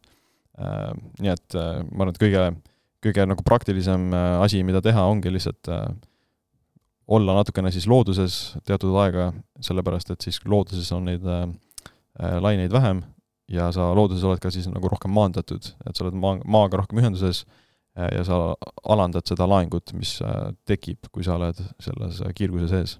kindlasti võib, võib, võib teha nii, et sa lülitad wifi ööseks välja ja hoiad telefoni lennukirežiimi peal, jah, need on kindlasti nagu väga lihtsad asjad, mida saab teha, aga noh, ma ei hakkaks nagu selle peale nii-öelda paanitsema või sellepärast nagu üks asi jah, mida ei tohiks võib-olla teha, et, et sa ei tohiks võib-olla hoida telefoni paisa all. jah, selle 5G-ga sees terve öö, et see võib-olla ei ole nagu kõige, kõige targem tegu, aga kui sa paned selle eemale ja paned lennukirežiimi peale, siis on nagu täiesti ohutu. Äh, ma arvan, et see hirm selle puhul võib tekitada rohkem stressi kui see asi ise, et kui sa oled sellest jah, kardad seda nagu väga palju, oled paanikas selle tõttu, siis äh, sa koged rohkem nagu neid negatiivseid mõjusid ma arvan, et see on äh, üks äh, üldse hea nagu point ka, noh, täna jällegi mulle tundub, et immuunsüsteem mingil määral on nagu seotud kuidagi selle äh, noh, selle stressi ja meie selle hirmufaktoriga ka, et kui meil ikkagi on hirm millegi ees, siis, siis pahatihti see lihtsalt nii ka läheb, on ju, mingil juhul, või noh, on suurem tõenäosus a la, ma ei tea, täna siis koroonasse nakatuda või jääda mingisse grippi või saada ebameeldiva mingi kogemuse osaliseks, näiteks ma kardan, et ma ei tea, ma jään auto alla ja iga päev mõtlen selle peale, siis noh, suur tõenäosus on, et lõpuks isegi jään, on ju, võib-olla mm. et äh, ma ei tea, oled sa mänginud selle mõttega jälle, kui, kui väga tegelikult see hirm nagu mind mõjutab ja, ja kuidas võib-olla tulla toime sellega, kui mul ongi hirm, siis mm? -hmm. jah, hirm võib kindlasti väga palju stressi tekitada, et sa võid olla siis nagu toolis ja mõelda mingile negatiivsele sündmusele ja siis kogeda seda stressihormoone ja niisuguseid asju äh,. ainus nagu kõige nagu parim viis, mida, kuidas ma sellega nagu tegelen, on see, et ma lihtsalt äh, mõtlen need, nendest asjadest enne, et ma mõtlen nagu, et ma mõtlen sellele, et ma ei saa nagu teatud asju elus kontrollida, ma ei saa kontrollida näiteks äh, ilma ja ma ei saa kontrollida ka teiste inimeste käitumist äh,. ma saan ainult kontrollida seda, kuidas mina sellele asjale reageerin äh,. ja see nagu siis tuleneb siis stoitsismist, stoitsismi filosoofiast, kus sa äh, jah, keskendud nende, üritad elada niisugust elu, kus sa jah, keskendud ainult nendele asjadele, mida sina saad ise kontrollida. ja noh, mingil määral see ei ole nagu väga kas-, ei ole, ei ole väga nagu tõhus lahendus, aga samas sa suudad võib-olla leida siis mingisugust meelerahu selles, et sa ei saa seda nagunii kontrollida, et siis ei ole mõtet selle peale stressida ka. see on, see on hea tähelepanek, ma tegelikult tahtsingi tahtsingi minna selle filosoofia stotsismi juurde, et ma ei ole varem sellesse väga, väga jõuliselt süvenenud. aga kui ma seda otsisin äh,, nagu selle selgitust siis, mis ta nagu võimalikult täpselt oleks, siis üsna raske leida mm, midagi, mis nagu seda kirjeldaks, aga, aga kuidas sa üldse ise selleni jõudsid ja, ja mismoodi see sinu ellu nagu jõudis uh,? ma arvan, et um, ma lugesin vist mingisugust raamatut, kas uh, Ryan Holiday on üks äh, nii-öelda kaasaegne stoisismi autor. Ja vist ära, üks, üks äh, raamat, kuulus raamat on The obstacle is the way, ehk siis eesti keeles äh, et see takistus ongi see teekond põhimõtteliselt, et see raamatu idee seisneb selles jah, et sa, nagu sa, on võimeline oma siis nagu mõtlemist nagu nii muuta, et sa äh, leiad nagu siis sellest mingisugustest äh, ka-, ka-, nii-öelda siis takistustest ka mingisugust äh, eluõpetusi ja niisuguseid asju, et igas asjas on nii-öelda siis mingisugune positiivne külg. sa pead lihtsalt ots-, osa, oskama seda leidma.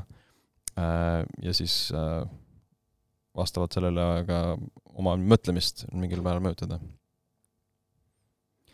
aga stoitsismil on ka nagu väga palju erinevaid külgesid, et stoitsismi üleüldine eesmärk on lihtsalt tegelikult õnnelikkus ja see õnnelikkuse sa nagu on äh, lihtsam leida siis, kui sa jah, mõistad, et sa ei saa nagu sa ei saa nagu vägasid asju, paljusid asju siin kontrollida. Äh, ja sa lihtsalt keskendud sellele, elada võimalikult nagu siis head elu ise, nagu hea, hea inimesena. kui palju sa seda enda nagu seda biohäkkimist või üldse seda maailma inimestele, no peale suruma on nagu nõme, aga selles mõttes, kui palju sa tahad äh, heas mõttes pealesuruvalt inimesi valgustada, näiteks ma ei tea, pereliikmeid ja sõpru, kes sul lähedal on, siis näiteks ma ei tea, oletame, et sa näed, keegi teeb midagi, sa ütled, et noh, et näiteks tahaks sulle öelda praegu, et ma ei tea, oletame, et kuule, tead, vaata see ekraan nagu nii õhtul ei ole hea, on ju, kas sa pigem mm. teed seda või sa tegid seda alguses enam ei tee või, või kuidas, kuidas nagu seal, kui ma tahan kedagi aidata, siis kuidas ma nagu läheneks sellele või, või oled sa sellega kokku puutunud ka, ei ole, jah uh,? kindlasti olen kokku puutunud uh,, no ma ei suru seda peale, ma kindlasti informeerin ja ma nagu seletan, mik-, miks see nii on ja mis, kuidas oleks paremini. Äh, noh, ma isegi olen ostnud oma perele need prillid ka kõikidele, et et siis nad vähemalt nagu on võimalus kanda ja mõnikord ka kannavad. Äh, ja noh, et kui ma jah, no kõige tähtsam, kõige nagu tõhusam viis minu enda kogemusest on see, et sa ei suru seda peale, vaid sa lihtsalt äh, elad iseenda näitel. oled eeskujuks. jah, oled eeskujuks mm, -hmm. et jah, näiteks toitumise puhul, toitumise puhul, toitumine on natuke lihtsam. et äh, ma lihtsalt nagu söön teatud viisil, see on nagu teistest erinev, siis äh, nad küsivad, miks, äh, miks see nii on, et miks sa teed seda, ja siis nad, ma seletan neile, aga ma ei suru nagu peale, äh, aga siis ma, nad näevad neid tulemusi ka, et nagu näevad, et et tunnen ennast hästi, mul on energiat jah, et mul ei ole nagu mingi toidukoomat siukseid asju, et siis nad siis selle, selle tõttu hakkavad ise ka nagu natuke rohkem huvi tundma. et jah, nad peavad, nad peavad ise tulema su juurde ja küsima, sest siis nad on nagu selle suhtes ka vastuvõtlikumad mm. -hmm et mulle endale ka ei meeldi, kui keegi tuleb mulle midagi õpetama, et kui ta tuleb mulle õpetama midagi, siis ma teen just vastupidi aga kui ma ise olen selle suhtes hu huvi, nagu tunnen huvi, siis ma jah, olen jälle vastuvõtlikum mm. -hmm. see on väga huvitav tegelikult, et see nagu mm see on samasugune näide või noh, lause on seal selle inimpsühholoogia kohta just nagu müügist, et inimestele ei meeldi, kui neile müüakse, aga meile meeldib osta. Mm.. ehk siis nagu noh, sama, sama piltlikult sama teema, et me nagu justkui tahame, aga kui keegi tuleb meile seda näkku suruma, siis meil tekib trots ja tahaks nagu perse saata, aga kui endal huvi on, siis nagu on see, et tooge juurde, vaata, tahaks ahmida. Mm.. et see on hästi huvitav, et aga võib-olla seal on ka õppekoht, et sealt sellest üle saada, et et kui keegi tulebki peale suruma, siis läbi laksata, et okei okay,, et tegelikult see on koht, kus peaks kuulama, sest teine tahab jagada. Mm. -hmm isegi kui teeb seda võib-olla väga pealetükkivalt, tegelikult ta ju põleb, on ju, ta tahab nagu noh, entusiastlikult midagi jagada, ma ise mäletan, kui mingeid asju oled siin kõvasti uurinud ja, ja mingi isegi süvenenud, siis see entusiasm alguses on nii suur, et noh, jube tahaks vaata jagada, et kuule, kuula mind ka ja proovi ka, aga noh, see lihtsalt ei tööta inimeste puhul niimoodi. sa oled, ähm, toome siia lõppu ka sellise brändi ja ütleme, edu või, või sotsiaalmeedia edu või siis üldse nagu pigem brändi, brändi edu, et sa oled äh, sisuliselt ehitanud üles oma asju inglis, rahvusvaheliselt inglise keeles mm.. kust äh, selline väga julge otsus nagu eestlasena, no mulle tund-, mulle tundub see, ma olen, ma ei ole veel proovinud niimoodi nagu podcast'i näiteks inglise keeles teha, ja, ja ma näen, et ka keelebarjäär on hakanud nagu mitte tek-, mitte tekkima, aga noh, kuna inglise keelt enam nii palju ei kasuta ise, loed küll ja tarbid sisu, aga ei räägi, siis see kuidagi on muutunud tooremaks mm. -hmm. ja sõnad ei tule kohe meelde enam, aga aga see on nagu selles mõttes nagu päris äh, julge samm, et äh, kas sa näed seal mingit erinevust selles, et sa oled eestlane ja nüüd inglise keeles rääkida on keerulisem või vastupidi, pigem, pigem see ei ole nagu, see ei ole nagu relevantne? sest natuke on niisugune tunne, et Eestist väljapoole minna mm -hmm. rahvusvaheliseks on keerulisem kui rahvusvahelisena nagu rahvusvaheliselt juba teha. noh mm -hmm., inglise keelt kõnelev inimesel on lihtsam lüüa inglise keeles läbi, kui hakata eestlasena inglise keeles midagi rääkima. Jah, võimalik, aga mul endal ei olnud nagu seda hirmu või nagu arvamust, et kuna ma arvan, et noh, e-, e-, hästi palju inimesi juba räägivad inglise keelt ja noh, ma arvan, et neil ei ole vahet, kus, kes, kes see nagu räägib seda, kui ta oskab nagu seda seletada, et äh, just Youtube'is nagu keegi ei näe, et nagu mis su see, nad saavad aru aktsendist ja sellistest asjadest, et sa oled nagu välismaalane, aga e-, enamus juhtudel ei ole nagu see olnud probleemiks. mingil määral võib see olla isegi nagu kasulik, et nagu see on äratuntav ja teistsugune nagu, teistsugune siis delivery method mm -hmm. ja see on nagu siis meeldejäävam, et jah, et sa seisad välja teistest natuke paremini võib-olla.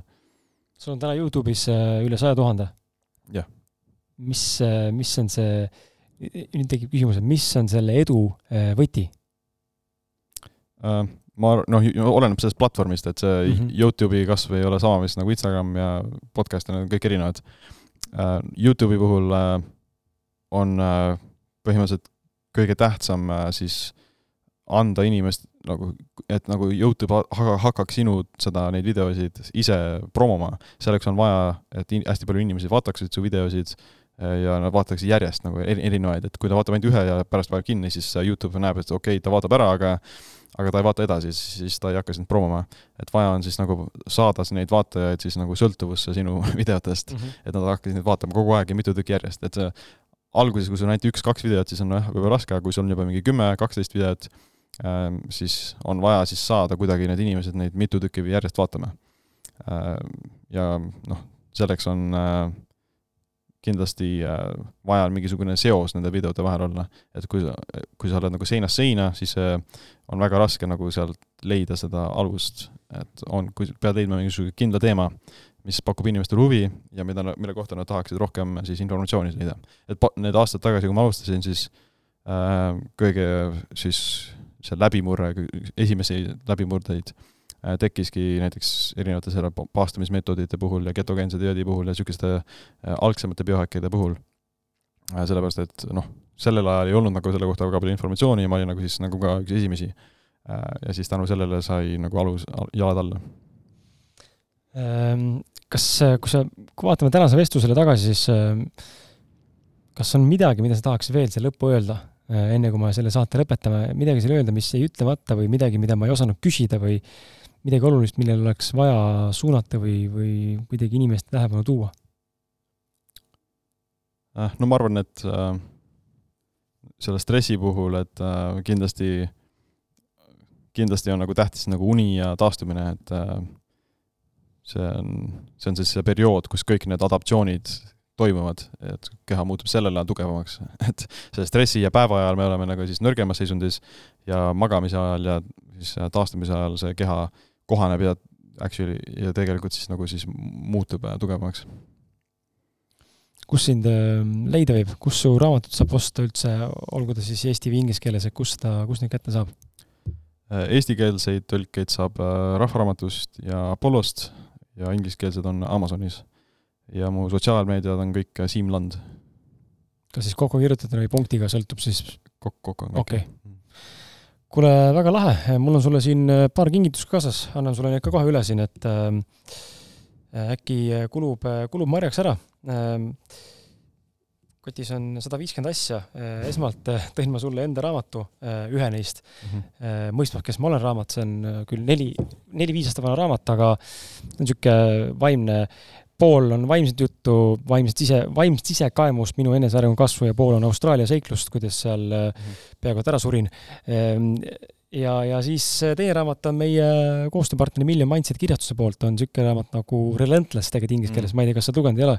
olen küll, jah. et siis on eesti keeles ka olemas sul, saad nüüd eesti keeles lugeda, äkki, äkki mõjub paremini või mõjub teistmoodi. et see tundus olevat niisugune, mis äkki pakub sulle huvi. ja, ja siis mul on sulle Blackstaffi poolt äh, kuu aja siis äh, kuur mm., see on siis sama see Microbiome Health ja, ja see on siis ku-, äh, kase ja musta pässiku ekstrakt, et ähm, kui inimestel huvi on, siis olge hea, minge vaadake blackstuff.ee äh,. sellele laseme ka sulle äh, kaasa hea mäkkima. oled sa tarbimine tootnud, ei ole varasemalt? jaa, olen küll, jah. oled sa mingeid äh,, näinud ka mingit tulemust, on hea kohe küsida review'd, feedback'i, et tundsid sa midagi või oli liiga lühike periood, et midagi nagu öelda või, või mis nad nagu tegelikult teevad? sest nagu ma aru sain nende enda jutust või noh, ka informatsioonist, et ta on nagu ta on, ta on võimeline võimendama siis seda, mida sa põhimõtteliselt kehasse paned mm. -hmm. noh, et sa paned sinna mhm. paska, siis ta võimendab paska, kui paned sinna head, siis ta võimendab head, on ju. et mhm. ma võib-olla väga lii-, väga toorelt öelduna, aga mis sina nagu nägid selle juures äh,? ma, ma nägin küll, et võib-olla need toidulisandid, mis ma võtsin, nagu nende mõju oli natuke tugevam, näiteks kui ma võtsin mag-, magneesiumi, äh, siis see nagu magneesiumi mõju oli paremini tundma, tunda, et äh, jah, see idee on jah selles, et see, et see huumhape ja ful-, fulviinhape, need aitavad siis neid äh, osakesi paremini siis omi-, omistada. väga lahe ja samuti on mul sulle kott ka meeneks, ausad mehed äh,, logodega riideskott, äh, see on mul viimane, mis kodus oli äh,, endale jäi küll, aga viimane külalistele, et nüüd on need äh, Need on meil otsas, on ühed teised, nii et äh, riideskoti.ee poolt on sulle ka. Organic Cotton kotikene. egas midagi, aitäh sulle, Siim! Jah, oli meeldiv väga äge, väga äge, et sa tulid ja mul on hea meel, et sinu episood sai kahesajandaks, et äh, midagi teistsugust äh, inimestele siia tuua ja, ja ma loodan, et äh, sa said, hea kuulaja, siit kuhjaga endale uut infot ja, ja väärtust ja uusi mõtteid ja, ja, ja loodan, et see vestlus rikastas sind. ma tegelikult isegi ei kahtle selles. ja kui ei rikastanud, no siis tuleb uuesti kuulata, ehm, siis järelikult ei saanud aru. Aga, aga jaa, hüppa Facebooki, otsi üles see postitus ähm, Siimu saatega ja, ja muidugi veendu ka postituse sisus, et seal on ära toodud ka kuupäev, millal on loosimine, et kui sellest saatest on ikkagi möödas siin üks-kaks kuud, siis ei ole mõtet selle osa võtta, sa võid muidugi jagada, aga siis ma lihtsalt raamatut sulle enam anda ei saa, et see on läinud juba kellelegi. nii et äh, mina tänan sind ja ma soovin sulle, Siim, edu. Äh, loodetavasti me kohtume veel, tegelikult me kohtumegi, äh, hea kuulaja, sulle ka öelda, ma saan ainult väikse diiseri anda, sellepärast et äh, saate avalikustamise hetkel on veel kolm nädalat jäänud ametliku piletimüügini, seega ma saan nii palju ainult öelda, et kümme, kümme oktoober, mida ma olen promonud siin sotsiaalmeedias natukene juba aasta siis kaks tuhat kakskümmend üks, kümnes oktoober, salvestan teile kuupäev, Siim on sellega seotud selliselt, et ta on üks peaesinejatest. nii et kui tahad veel Siimu kuulata, Siimu näha, pilti teha ja temaga koos istuda, snäkkida, sülle ronida, autogrammi saada, siis, siis äh, salvesta kuupäev ja, ja hoiab podcast'i lehtede silma peal. Äh, mina tänan sind ja ilusat, ilusat äh, ma ei teagi, päeva, nädala, kuu, aasta jätku sulle ja vähem stressi ja ja, ja ole tugev. tšau!